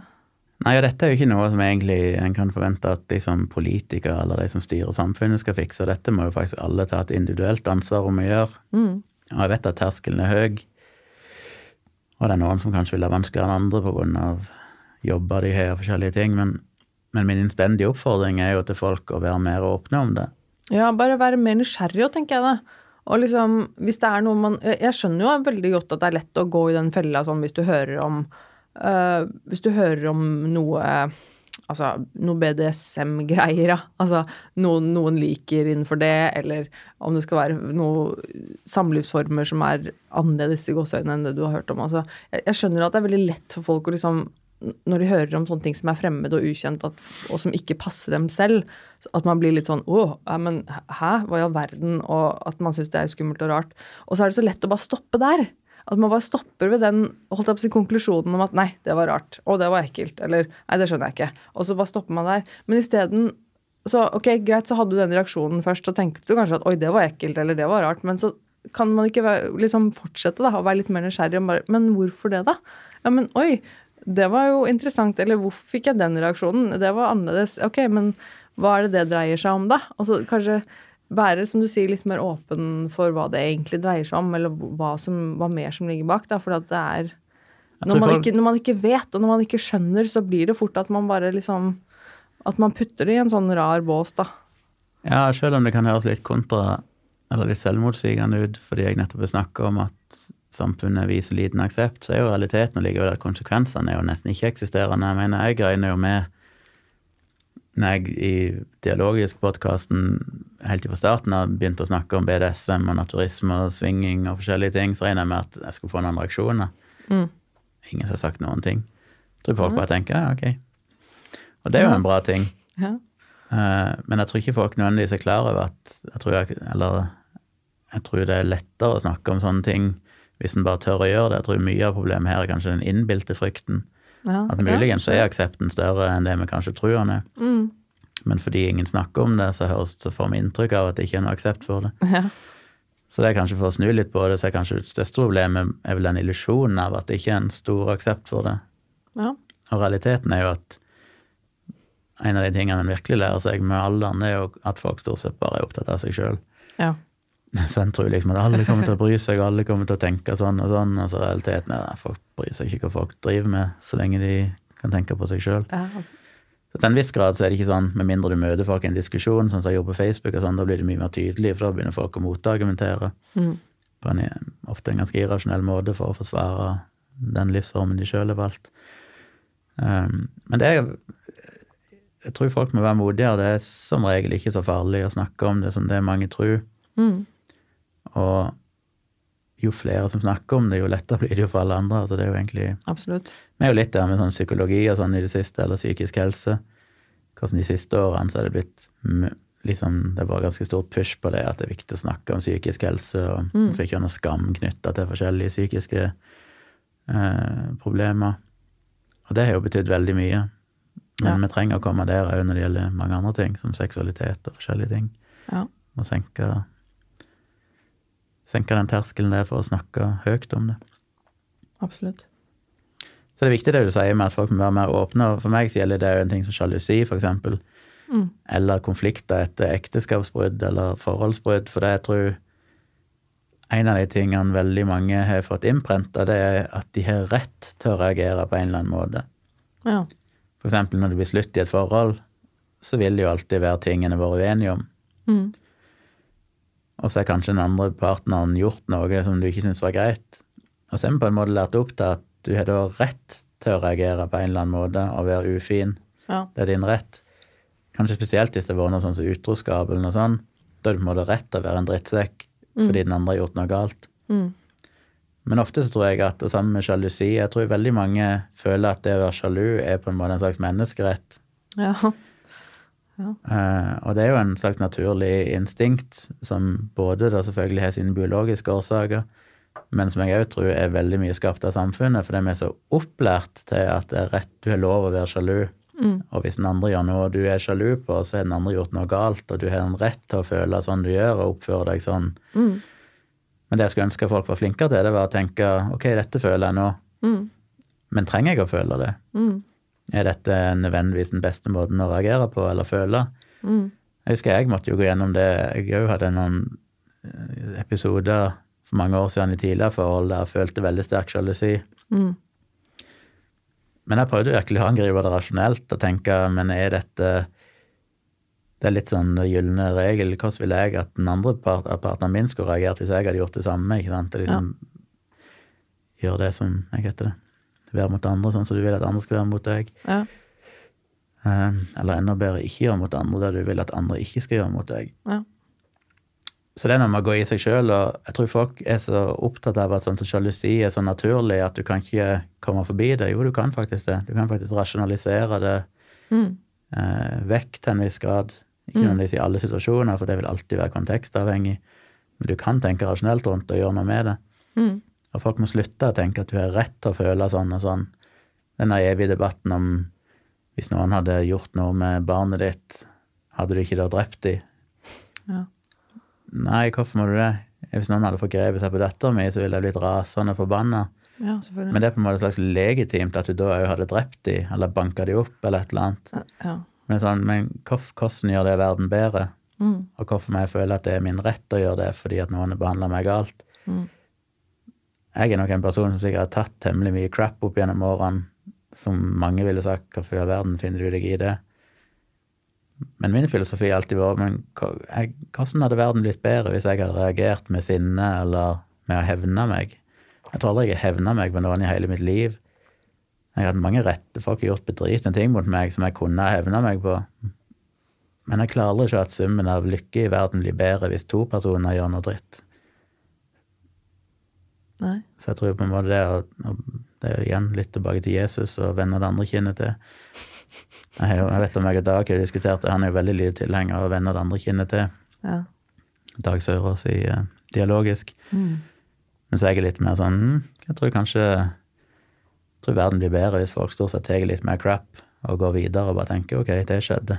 Jeg går videre med livet mitt. For du, generelt sett kan du ikke påvirke andre mennesker så mye. Du kan stort sett bare ta ansvar for det du sjøl gjør. Så det å heller fokusere på dine egne reaksjoner heller enn å være bitter over hvordan andre oppførte seg, det tror jeg er en viktig måte å klare å ivareta en viss ro i livet på. og kanskje lykke. Ja, men jeg syns jo det er litt interessant å, å Altså litt tilbake til det med sjalusi, for eksempel, da. Eh, Jeg har jo også kjent, som de fleste, har jo jeg så kjent på den følelsen av sjalusi, og det er jo en, er en veldig kjip følelse. Men jeg tenker at uh, jeg, jeg tenker jo Jeg prøver jo på en måte da å tenke hva det er som gjør at uh, at jeg blir sjalu, da. Hva er det som Hva er det som liksom tenner den følelsen i meg? At jeg får en negativ reaksjon i form av sjalusi, og hva det egentlig bunner i.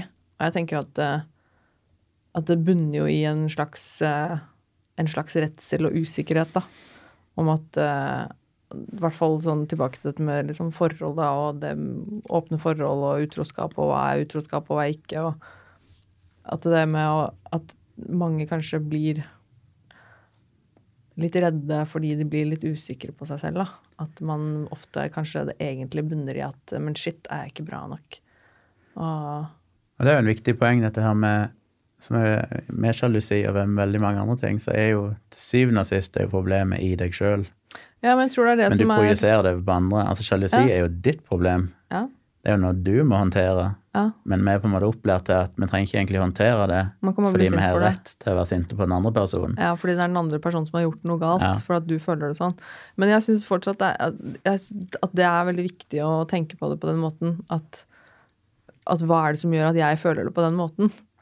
Altså, selvfølgelig I mange tilfeller så kan det jo hende at, den, at vedkommende har gjort At partneren har gjort noe galt. At du, ja, du kan selvfølgelig ha opplevd at vedkommende har gjort noe sårende. og Ja. Altså selvfølgelig. Men, men i en samtale, da, eksempel, hvis eh, jeg og en person jeg var sammen med, hadde, og vedkommende hadde sittet og sagt til meg på en ålreit måte at du, jeg har egentlig litt lyst til å ha sex med noen andre også. altså, Så kan jeg føle på sjalusi, eksempel. Det tror jeg er en ganske vanlig reaksjon, at noen da blir sjalu. Men hva er egentlig grunnen til at jeg da f.eks. føler sjalusi? Hva er grunnen til at man, det er den følelsen som kommer? Hvor er det den kommer fra, den følelsen? Jeg tror det er veldig lett å bare ikke ta det skrittet og liksom se tilbake på seg selv og tenke men hva var det som skjedde nå? Hva skjedde inni meg? Isteden så blir man da sur på partneren og sier ja, men fuck deg. Mm. Du kan ikke få lov å gå sex med noen andre når du er sammen med meg. Det kan du bare glemme. Eller du får ikke lov til det der. Nå er du utro, eller nå har du gjort noe galt, og nå er jeg sint på deg fordi du har såret meg, og alt det der. Men hva er det som skjer inni meg, da? Hvor kommer den følelsen fra? Er det jeg som er usikker på meg selv? Jeg, er, føler jeg at jeg ikke er bra nok? Hvorfor føler jeg nå at jeg ikke er bra nok? Altså, det syns jeg er interessant. da, Å kunne liksom Ja, men igjen, jeg tror det er mye mer bare opptatt av kulturen og samfunnet til at sånn er det. Du skal ikke trenge egentlig å forholde deg til de tingene. Mens realiteten er jo at de fleste av de følelsene handler jo bare om deg sjøl. Og ved å Altså mitt, Et av argumentene mot monogami er jo dette med at du på en måte begrenser din partners frihet fordi du sjøl ikke klarer å håndtere det. Så du bruker ja. din egen usikkerhet til å begrense en annen person. Ja. Og det er jo veldig ufint. Ja.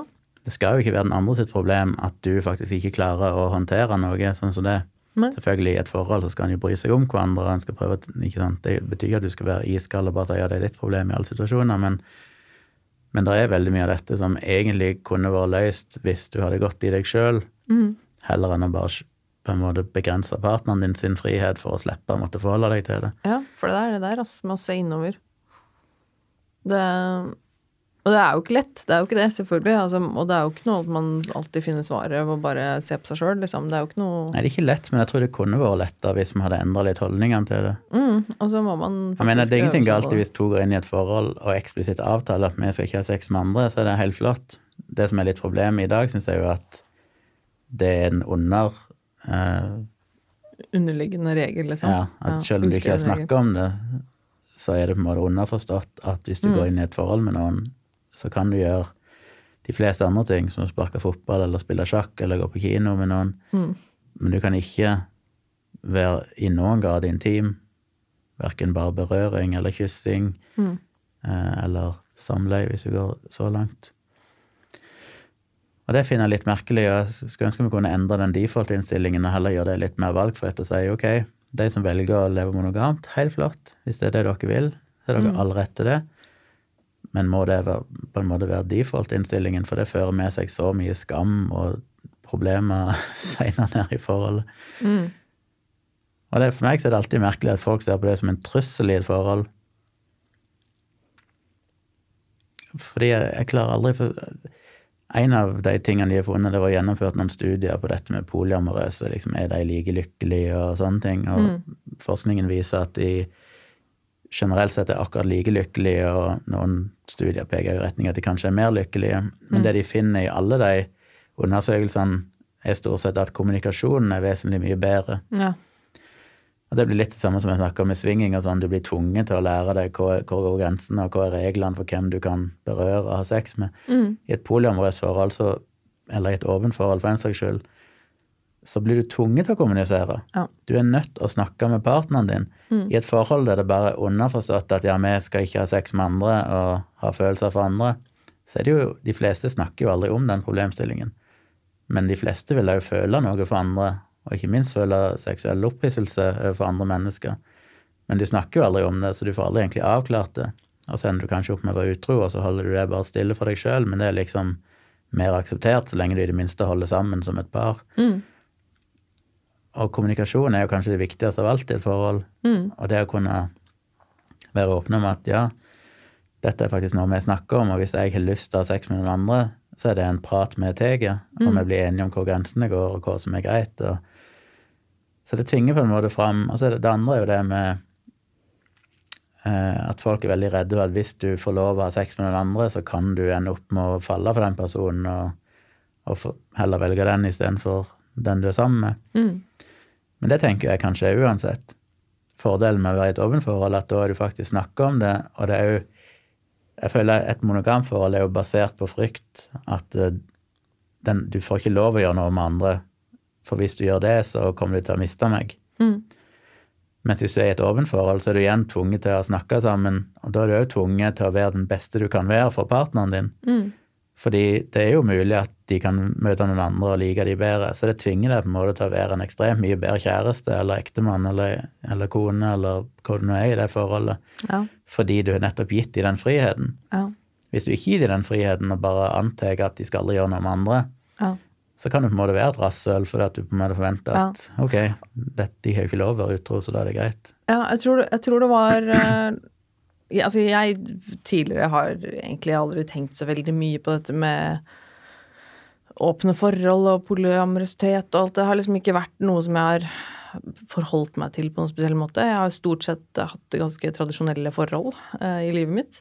Uh, men jeg, det var nok kanskje det derre Det frihetsargumentet, da. Den, den tanken om at liksom At hvis du gir partneren din helt 100% frihet til å gjøre hva man skulle ønske med hvem man skulle ønske, men at partneren din likevel alltid kommer tilbake til deg og velger likevel å være sammen med deg. Altså hvis jeg hadde vært sammen med en eller annen dude eller jente eller hvem det skulle være, uh, og hadde, vi hadde hatt et slags åpent forhold, uh, min partner kan gå og ha sex med hvem han eller hun vil når som helst, Uh, det er vi liksom innforstått med, men vedkommende, min partner, kommer alltid hjem igjen til meg og vil være sammen med meg og velger å være sammen med meg og dele livet sitt med meg, så må jo det være det ultimate komplimentet, og da må jeg vite at, liksom, at da er det jo jeg som er best. Det er jo Ja. da jeg vet at jeg er den beste, liksom. For meg er jo den største kjærlighetserklæringen, det å vite at jeg har frihet til å være med andre, men jeg Ja. velger å være med deg.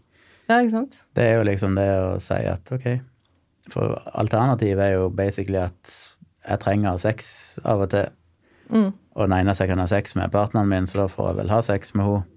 Ja.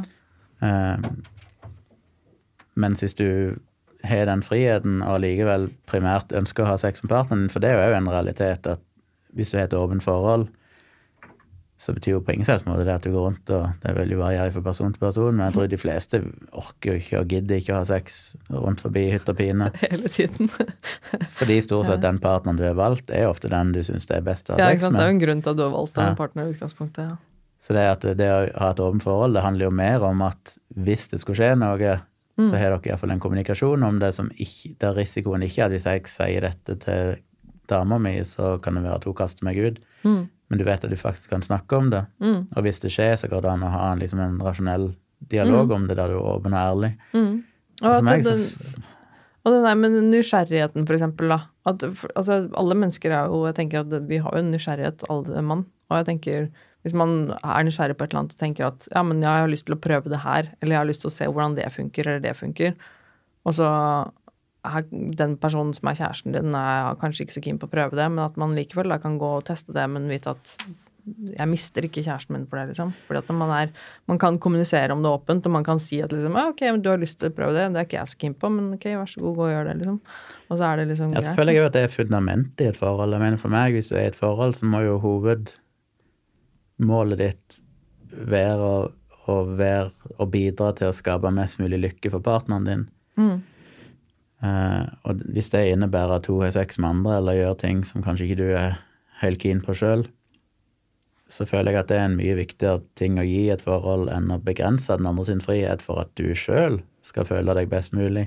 Ja. For da blir det jo ren selvfølgelig på en måte monogami og den klassiske ekteskapsformen og sånn er jo veldig mye egoisme. Det handler hele tiden om å begrense den andre sine rettigheter, sånn at du ikke skal få utfordre dine følelser og ikke Ja. få utfordre din trygghet. Ja, eller det å liksom at man skal ofre noe hele tiden, da. At man skal liksom ofre for, å- for å gjøre den andre lykkelig. Ja. At man skal ofre Jeg skal ofre mine ønsker, og jeg skal liksom ikke gjøre det, det og de tingene, eller ofre Ja, for at du skal ikke bli sjalu, eller du skal ikke bli lei deg eller såret, eller for, Altså, den der hele tiden Men igjen så tror jeg folk aksepterer utrolig mye crap fordi det er på en måte sosialt akseptert eller det er kulturelt at det er ok, men det må jeg forvente i et forhold. Jeg Mm. må liksom begrense min frihet fordi det er bare sånn det er. Ja. Jeg ville jo sagt til folk at fuck that shit, hvis du er, du er med en partner som ikke, altså Det trenger ikke handle om sex, men jeg mener det er jo, jeg har kjent folk som der damer skrudde av TV når det kom en reklame med undertøy fordi at de ble sjalu på at liksom du så en halvnaken dame på TV. Altså Det er jo de mer ekstreme formene. Men det er sånn, hvorfor er du i det forholdet? Dette er jo ikke greit. Og folk ville jo sagt det hvis jeg nekta min partner å spille fotball Mm. fordi at jeg ikke likte at eh, de tilbrakte så mye tid med andre, hadde det så gøy med andre når ikke jeg kunne være med på det sjøl. Ja. Så sånn, det skal du ikke finne deg i. ditt mål må jo være å si at partneren din, hvis partneren din er happy og opplever noe som er bra og positivt for deg, så skal du være Ja. glad på deres vegne. Ja. Men det er så mye av de tradisjonelle forholdene som er basert på å beskytte seg sjøl hele tida, Ja. på bekostning av partneren, og det er liksom akseptert. Men hvorfor er det akseptert? Jeg syns ikke det skal være akseptert. Jeg syns en skal ha Nei, det er egentlig veldig rart. åpenhet. Og i den serien jeg snakket om Wanderlust, som igjen da selvfølgelig bare er fiksjon, men det er vel en mild spoiler, men det skjer vel allerede i episode to, så det er ikke så veldig Men da merker de jo at når de har sex med andre, så plutselig skaper de jo en gnist i deres eget seksuelle forhold. Plutselig så blir de jo tent på hverandre igjen, for de finner det opphissende. Mm. Og det vet jeg med meg sjøl, og jeg, jeg kjenner det med andre òg. At jeg tror som regel det å åpne et forhold på den måten ikke er noen trussel. Det er jo tvert imot en styrking. Og for min del så er det jo en enorm sånn trygghet å vite at min partner er ønsker meg vel, på en måte. Ønsker meg å gi meg den friheten. Ja. Og jeg er jo i hvert fall sånn skrudd sammen at for meg så er jo det et tenningselement i et forhold. Altså jeg blir jo bare mer opphisset av partneren min fordi jeg føler at hun gir meg den tryggheten, og, og, eller hun gir meg den tilliten. ja. Ønsker det beste for deg, liksom. Bare Og det å kunne ta med seg erfaringer du har med andre inn i ditt eget forhold, mm. er jo en gnist. Nå har ikke jeg vært i jeg var i lengste forholdet var ni år, men jeg, jeg beundrer jo, og nesten ikke tror at det er sant, at folk kan være sammen i 40 år og fortsatt ha noen som helst form for gnist i seksuallivet etter de første ti årene, liksom. Ære være enten er de ekstremt kjedelige, eller så er de et gen som ikke jeg har, men men ja, jeg tror definitivt at det er ikke noen trussel for forholdet. Det er tvert imot en styrking, fordi det krever kommunikasjon, det krever tillit, det gir frihet. eh, Og det kan gi en ekstra boost og gnist. Absolutt. Jeg eh, skal stille deg eh, et spørsmål. Det var jo faktisk du som tipsa meg om dette spørsmålet. Jeg syns det var så bra spørsmål, så jeg må stille det til deg. Uh, Det er helt åpent, du kan svare hva du vil. Spørsmålet er hva ville du gjort om du ikke var redd? Ja, det er et spørsmål jeg syns er uhyre viktig. Jeg skrev en bloggpost om det for noen år siden som heter What would you do if you were not afraid? Mm. Og det var inspirert av et forum jeg leste i, der noen posta at eh, de sjøl hadde fått diagnosen en eller annen form for uhelbredelig hjernekreft, og de hadde x antall måneder igjen å leve. Og så spurte de i forumet ok, jeg vet jeg kommer til å dø nå om så og så lang tid. Hva er det jeg er nødt til å oppleve før jeg dør? Og så kom det jo masse forslag, alltid for de mer useriøse, som prøv alt av narkotika liksom før du Nå har du ingenting å tape. Og eh, hopp i fallskjerm og alle de her mer vanlige tingene. Til andre så var litt mer sånn oppsøk gamle venner og fortell dem at du er glad i dem, eller hva de har betydd for deg. Har du noen du har vært uvenner med, prøv å gjøre opp for deg før du liksom dør, for det er viktig. Men det var litt fascinerende å tenke på det, for det ble sånn, for meg ble det en veldig kunstig fremstilling, for det var fremstilt som at denne personen har seks måneder igjen å leve, og derfor er det viktig for den personen å gjøre det de kan før de dør. Realiteten er jo at alle oss som sitter her nå, og som hører på, kan ha en hjernesvulst, eller kan dø av en blodpropp i morgen, eller få en hjerneblødning, eller kan bli påkjørt av en bil. Altså alle som lever, lever jo som om det er siste dagen sin. Mm. Eh, i- Fordi du kan dø når som helst, og det er jo selvfølgelig en klisjé, lev som hver dag er den siste, men Det er jo, det er jo viktigere enn det folk ofte tar inn over seg, at ja, du kan faktisk, jeg kan bli påkjørt når jeg går ut av dette bygget her. Mm. Og du har ikke mer tid enn i dag, eller akkurat dette øyeblikket, til å gjøre det du ønsker å gjøre i livet. Mm. Så er det noe med den der frykten, og vi blir så hemma av frykt. Det går jo litt tilbake til det vi snakker om forhold og sånn òg. Det å gå ut av et forhold du ikke er lykkelig i, er jo òg mye drevet av frykt. At du liksom bare blir der fordi du tør ikke egentlig ta grep, du tør ikke gjøre det du egentlig vil. Og jeg har hatt en sånn utvikling i mitt liv der at etter det ble slutt, da jeg flytta til Oslo, så hadde jeg noen år der jeg følte jeg var virkelig flink å leve etter det prinsippet. Jeg prøvde veldig mange ting som jeg ikke egentlig turte å gjøre, og det hadde ofte alltid for liksom å stille opp på TV-programmer eller være med i en debatt på NRK, eller ja, Det hadde det vært mye lettere å bare sagt nei og ligge hjemme i sofaen. Og, Men så sier du ja, og så går du rundt og er dritnervøs og tenker fuck, hvorfor i all verden sier jeg ja til dette? Herregud, jeg skal på live-TV, liksom, jeg kommer til å dumme meg ut. Mm. Men det var liksom den filosofien, si ja til ting. Mm. For stort sett igjen, folk bryr seg ikke så veldig mye. Det er stort sett bare du sjøl som bryr deg. Og du vokser på egentlig alt. Så neste gang jeg ble spurt, så var det jo litt lettere å være med, for da hadde jeg fått den erfaringen. Og så blir ting blir jo lettere når du bare tør å gjøre det. Um, så er det jo en litt sånn flåsete ting som jeg skrev om i den, relatert til den bloggposten. Det var noen som sa hvis det er noe vanskelig i livet, en vanskelig avgjørelse du må ta, og du ikke vet hva du skal velge, ta en mynt, og så sier du at den sida er den, det valget, den andre kronen er det andre valget, og så flipper du coinen. Og det er ingenting å si hva han lander på, for i det øyeblikket den mynten er i lufta, så vet du hva du egentlig håper han skal lande på, Ja. og det er det som er svaret. Ja. Og det er veldig sant, for i det øyeblikket så på en måte fjerner du deg fra frykten, og er i et halvt sekund så er du ærlig med deg sjøl Ja. mens du venter, for du vet hva du egentlig håper han skal lande på. Ja.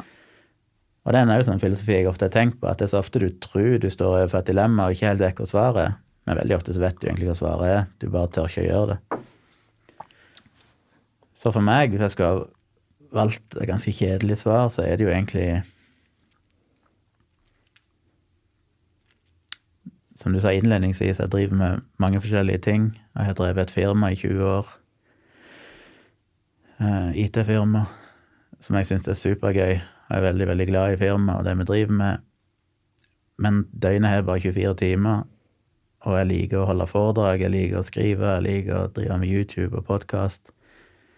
Så hvis jeg virkelig hadde vært modig, så hadde jeg på en måte bare sagt fuck it, nå dropper jeg alt jeg drevet med, og så gjør jeg bare det jeg har lyst til, som kanskje er å reise og lage YouTube-videoer eller Men så er det den frykten da, at ja, men jeg trenger jo en inntekt, og hvordan skal jeg eh, tenke om jeg ikke klarer det? og Mm. Akkurat i det tilfellet så er det vel såpass rasjonelt. Jeg tenker ok, jeg hadde jo faktisk vært fucka hvis jeg ikke hadde hatt den inntekten min fra firmaet.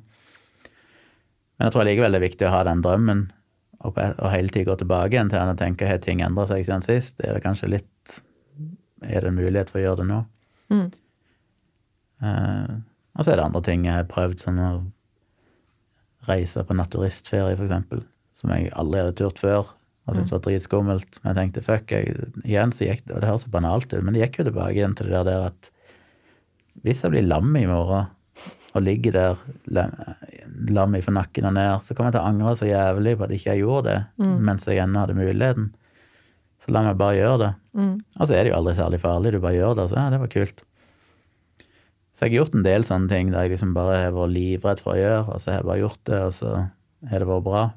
Og det er sjokkerende hvor fort den terskelen, den frykten senkes. Det er ofte bare å gjøre det én gang, så bang. Så er liksom, for da er du plutselig Da vet du hva dette er for noe, du vet hvordan det ser ut, du vet hvordan det føles. Ja. Og så er frykten så mye mindre. Men skal jeg trekke fram én ting her, så er det nok at en del av meg skulle ønske at jeg turte å hoppe i det og prøve å leve bare av liksom mine mer kreative sider. Mm. Um, og den, det største argumentet imot å gjøre det er ikke bare det økonomiske, men det er jo egentlig det at jeg er så glad i firmaet, det jeg driver med der, at det vil Ja. Det vil være trist. Jeg prøver av og til å tenke hvordan vil det føles hvis jeg plutselig ikke driver og programmerer sånn lenger. For jeg vet jo det, bare jeg har hatt en sommerferie på et par uker, så føler jeg når jeg kommer tilbake igjen, så føler jeg jeg mista halve kunnskapen min. Jeg liksom kommer meg inn i det igjen. Ja. Det å hele tiden programmere hver dag og sånn gjør at du liksom hele tiden er på ditt beste. ja, for du liker jo faktisk jobben din. Ja. Så det er jo en sånn følelse at tenk om jeg plutselig en dag skal se tilbake igjen og ikke liksom drive med det. Det ville være jævlig trist. Ja. Så det er jo en sånn, men så tenker jeg da, jeg er blitt uh, nærmer meg 45, jeg har drevet firma i 20 år. Jeg ser ikke helt for meg å drive firma når jeg er 60, så på et eller annet tidspunkt så føler jeg jo noe må skje. Ja. Så det er en vanskelig avgjørelse, vanskelig å vite. Men eh, inntil videre så har jeg jo ingen planer om å slutte i firma. Men eh, derimot så har jeg planer om å prøve å jobbe litt mer fornuftig. Sånn at jeg har helt tid i løpet av de 24 timene døgnet har ja. til å gjøre litt andre ting som jeg egentlig har prioritert ned de siste årene, fordi jeg basically har jobba hele tida. Men det er, et, eh, det er et, absolutt et, eh, et bra svar. Jeg tror eh, det å hoppe ut i en tilværelse hvor man skal leve av noe holdt jeg på å si, usikkert og, kreative yrker og fag er ofte veldig usikkert og ustabilt å satse på å drive med det. Jeg, jeg skjønner at det, den, er, den er skummel, men det er, det er et bra svar. Min største styrke som menneske tror jeg er at jeg er relativt evig optimist. Ja, det er du også. Fordi jeg har jo alltid tenkt at Og det kom mye etter det bruddet med, med hun jeg var sammen med i, i ni år. For da på en måte raste jo alt sammen. Plutselig var alle mine planer for framtida ble Ja. helt endra. Det kan jeg kjenne igjen. Men det jeg opplevde da, var jo plutselig at det åpna så mange dører. Mm. Så det er jo en av den gamle klisjeen at når du lukker ei dør, så åpnes et vindu, eller hva det er for noe. Ja, ja. Men altså, alt som skjer av tragedier, åpner jo på en eller annen måte en mulighet. Ja. Det gjelder jo å gripe den muligheten. Eh, Så jeg tenker jo ofte det òg, hvis firmaet mitt hadde gått dukken, så blir jeg ekstremt stressa av den tanken. Shit, det er jo noe av det verste jeg kan tenke meg. Mm. På den annen side sett så ville jeg jo da plutselig blitt tvunget til å gjøre det som jeg kanskje egentlig ønsker å gjøre. ja. Da hadde jeg ikke hatt noe valg lenger, nødvendigvis. Altså det er alltid, som jeg har jo sagt tidligere, hvis jeg hadde havna i fengsel i ti år Det var jævlig kjipt. På den annen side sett så hadde jeg plutselig hatt ti år der jeg kunne sitte og skrive bøker uten at jeg hadde noen forstyrrelser. Ja. Altså det gjelder jo på en måte å se hva er, det, hva er dette å åpne opp en mulighet for som jeg kanskje ikke gjør nå, og kanskje egentlig har lyst til å gjøre. ja. Det er i hvert fall merka med deg, den lille tiden jeg har kjent deg nå. At du er eh, Du er optimistisk. Og det merker Ja. jeg godt, fordi jeg er veldig pessimistisk. Så, så jeg, Jeg er jeg, føler jeg, må, jeg- jeg jeg lære litt av deg. Jeg er ganske rask til å legge ting bak meg og gå videre. Ja, Det, det er du Det er en styrke. At jeg liksom, jeg gidder ikke å dvele ved ting. Det var sånn, ok. Det er du nesten litt for god til, litt som vi var innom med innledningsvis, med at du, du Det preller liksom litt av. Det, det går liksom bare Men det er er jo gamle klisjeene. Du kan liksom ikke endre fortid, og du kan stort sett ikke endre hvordan andre folk oppfører seg. Du kan stort sett bare endre deg sjøl, ja, Men og det må du ta ansvar for, og så er det bare å gå videre i livet. Også. det er en del av sjarmen din, Gunnar. Ja, jeg er ganske sjarmerende. Ja, du er jo veldig sjarmerende, egentlig. det er greit, det. Men uh, vi begynner å nærme oss slutten på tiden jeg får lov til å sitte her. holdt jeg på å Ja, si. vi prata lenge da. Har prata en stund. Jeg syns det var uh, sykt kult å ha deg med, da. Du har ikke drukket så mye kaffe, da. Ikke jeg heller. Det ble overraskende lite kaffedrikking. Én kopp, bare. Jeg har ikke tid for å prate så mye. Ja. det som er så fint med deg. Det er så enkelt å prate med deg. Men er det noe sånn på slutten du har lyst til å nevne som du vil at eh, folk skal vite? Du har jo Du kan godt få lov til å nevne igjen at du har eh, nå begynt å legge ut noen videoer på YouTube-kanalen din. Tvilsomt med Tjomli. Ja, jeg har to bøker som går an å bestille. Mm. Veldig bra bøker. Gå inn på tjomli.com slash bestill, enkelt og greit. Så er det et skjema du kan bestille signerte bøker. Jeg skal linke til dette i, eh, i shownotes. Så det syns jeg er veldig gøy. Og eh, da sender de ut i posten, og du får signert med en personlig hilsen. Så det kan være en fin gave, eller til deg sjøl. Så det driver jeg med, og eh, ja, jeg kunne jo egentlig tenkt meg kanskje å skrive flere bøker i framtida, men jeg får se. Det er jævlig mye styr. Så Men jeg har en blogg da på tjomli.com, saksynt. Det ligger et par tusen bloggposter folk kan kikke på, som handler om en del av de tingene jeg snakker om her. Alltid fra seksualitet skam og andre ting. Eh, men av nyere tid så er det jo dialogisk podkast med Dag Sørås, Mm. som dere jo finner alle steder der finnes podkaster. Men det nyeste er jo da YouTube, så da har jeg jo to YouTube-kanaler. Den ene er sammen med deg, Tone, Mm. Som er en litt tøysete kanal som heter Greit nok for en fisk. Veldig bra kanal, vil jeg påstå. Det er tre videoer vi har lagt ut. Ja, er det ikke det? Tre? Jo. Ja. Mer kommer.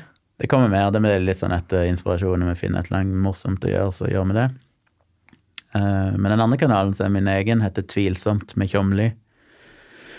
Eh, Der ligger det bare to videoer fortsatt, og det er primært fordi jeg fortsatt er i en fase der jeg driver og lærer meg å bruke kamerautstyr og redigere videoer og sånn, så ting tar litt tid.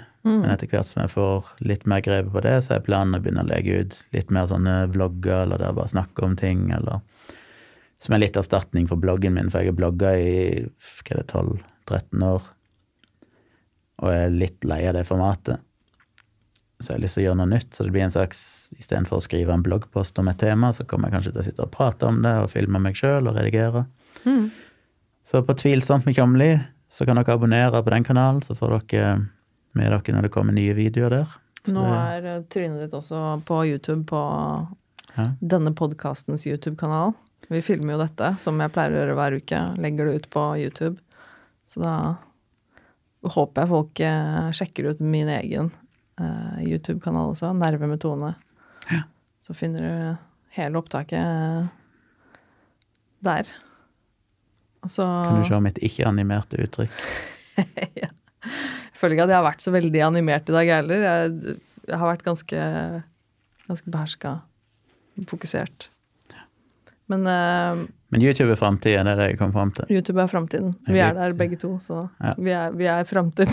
Du er Blogg, er så 2015. Ja, det er det. Men uh, takk for at du kom, da. Det var eh, awesome. Takk for at jeg fikk komme.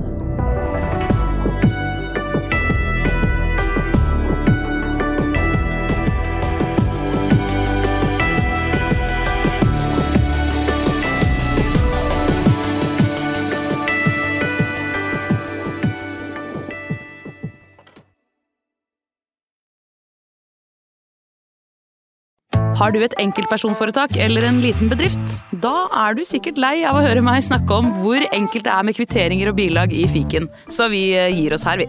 Fordi vi liker enkelt. Fiken superenkelt regnskap.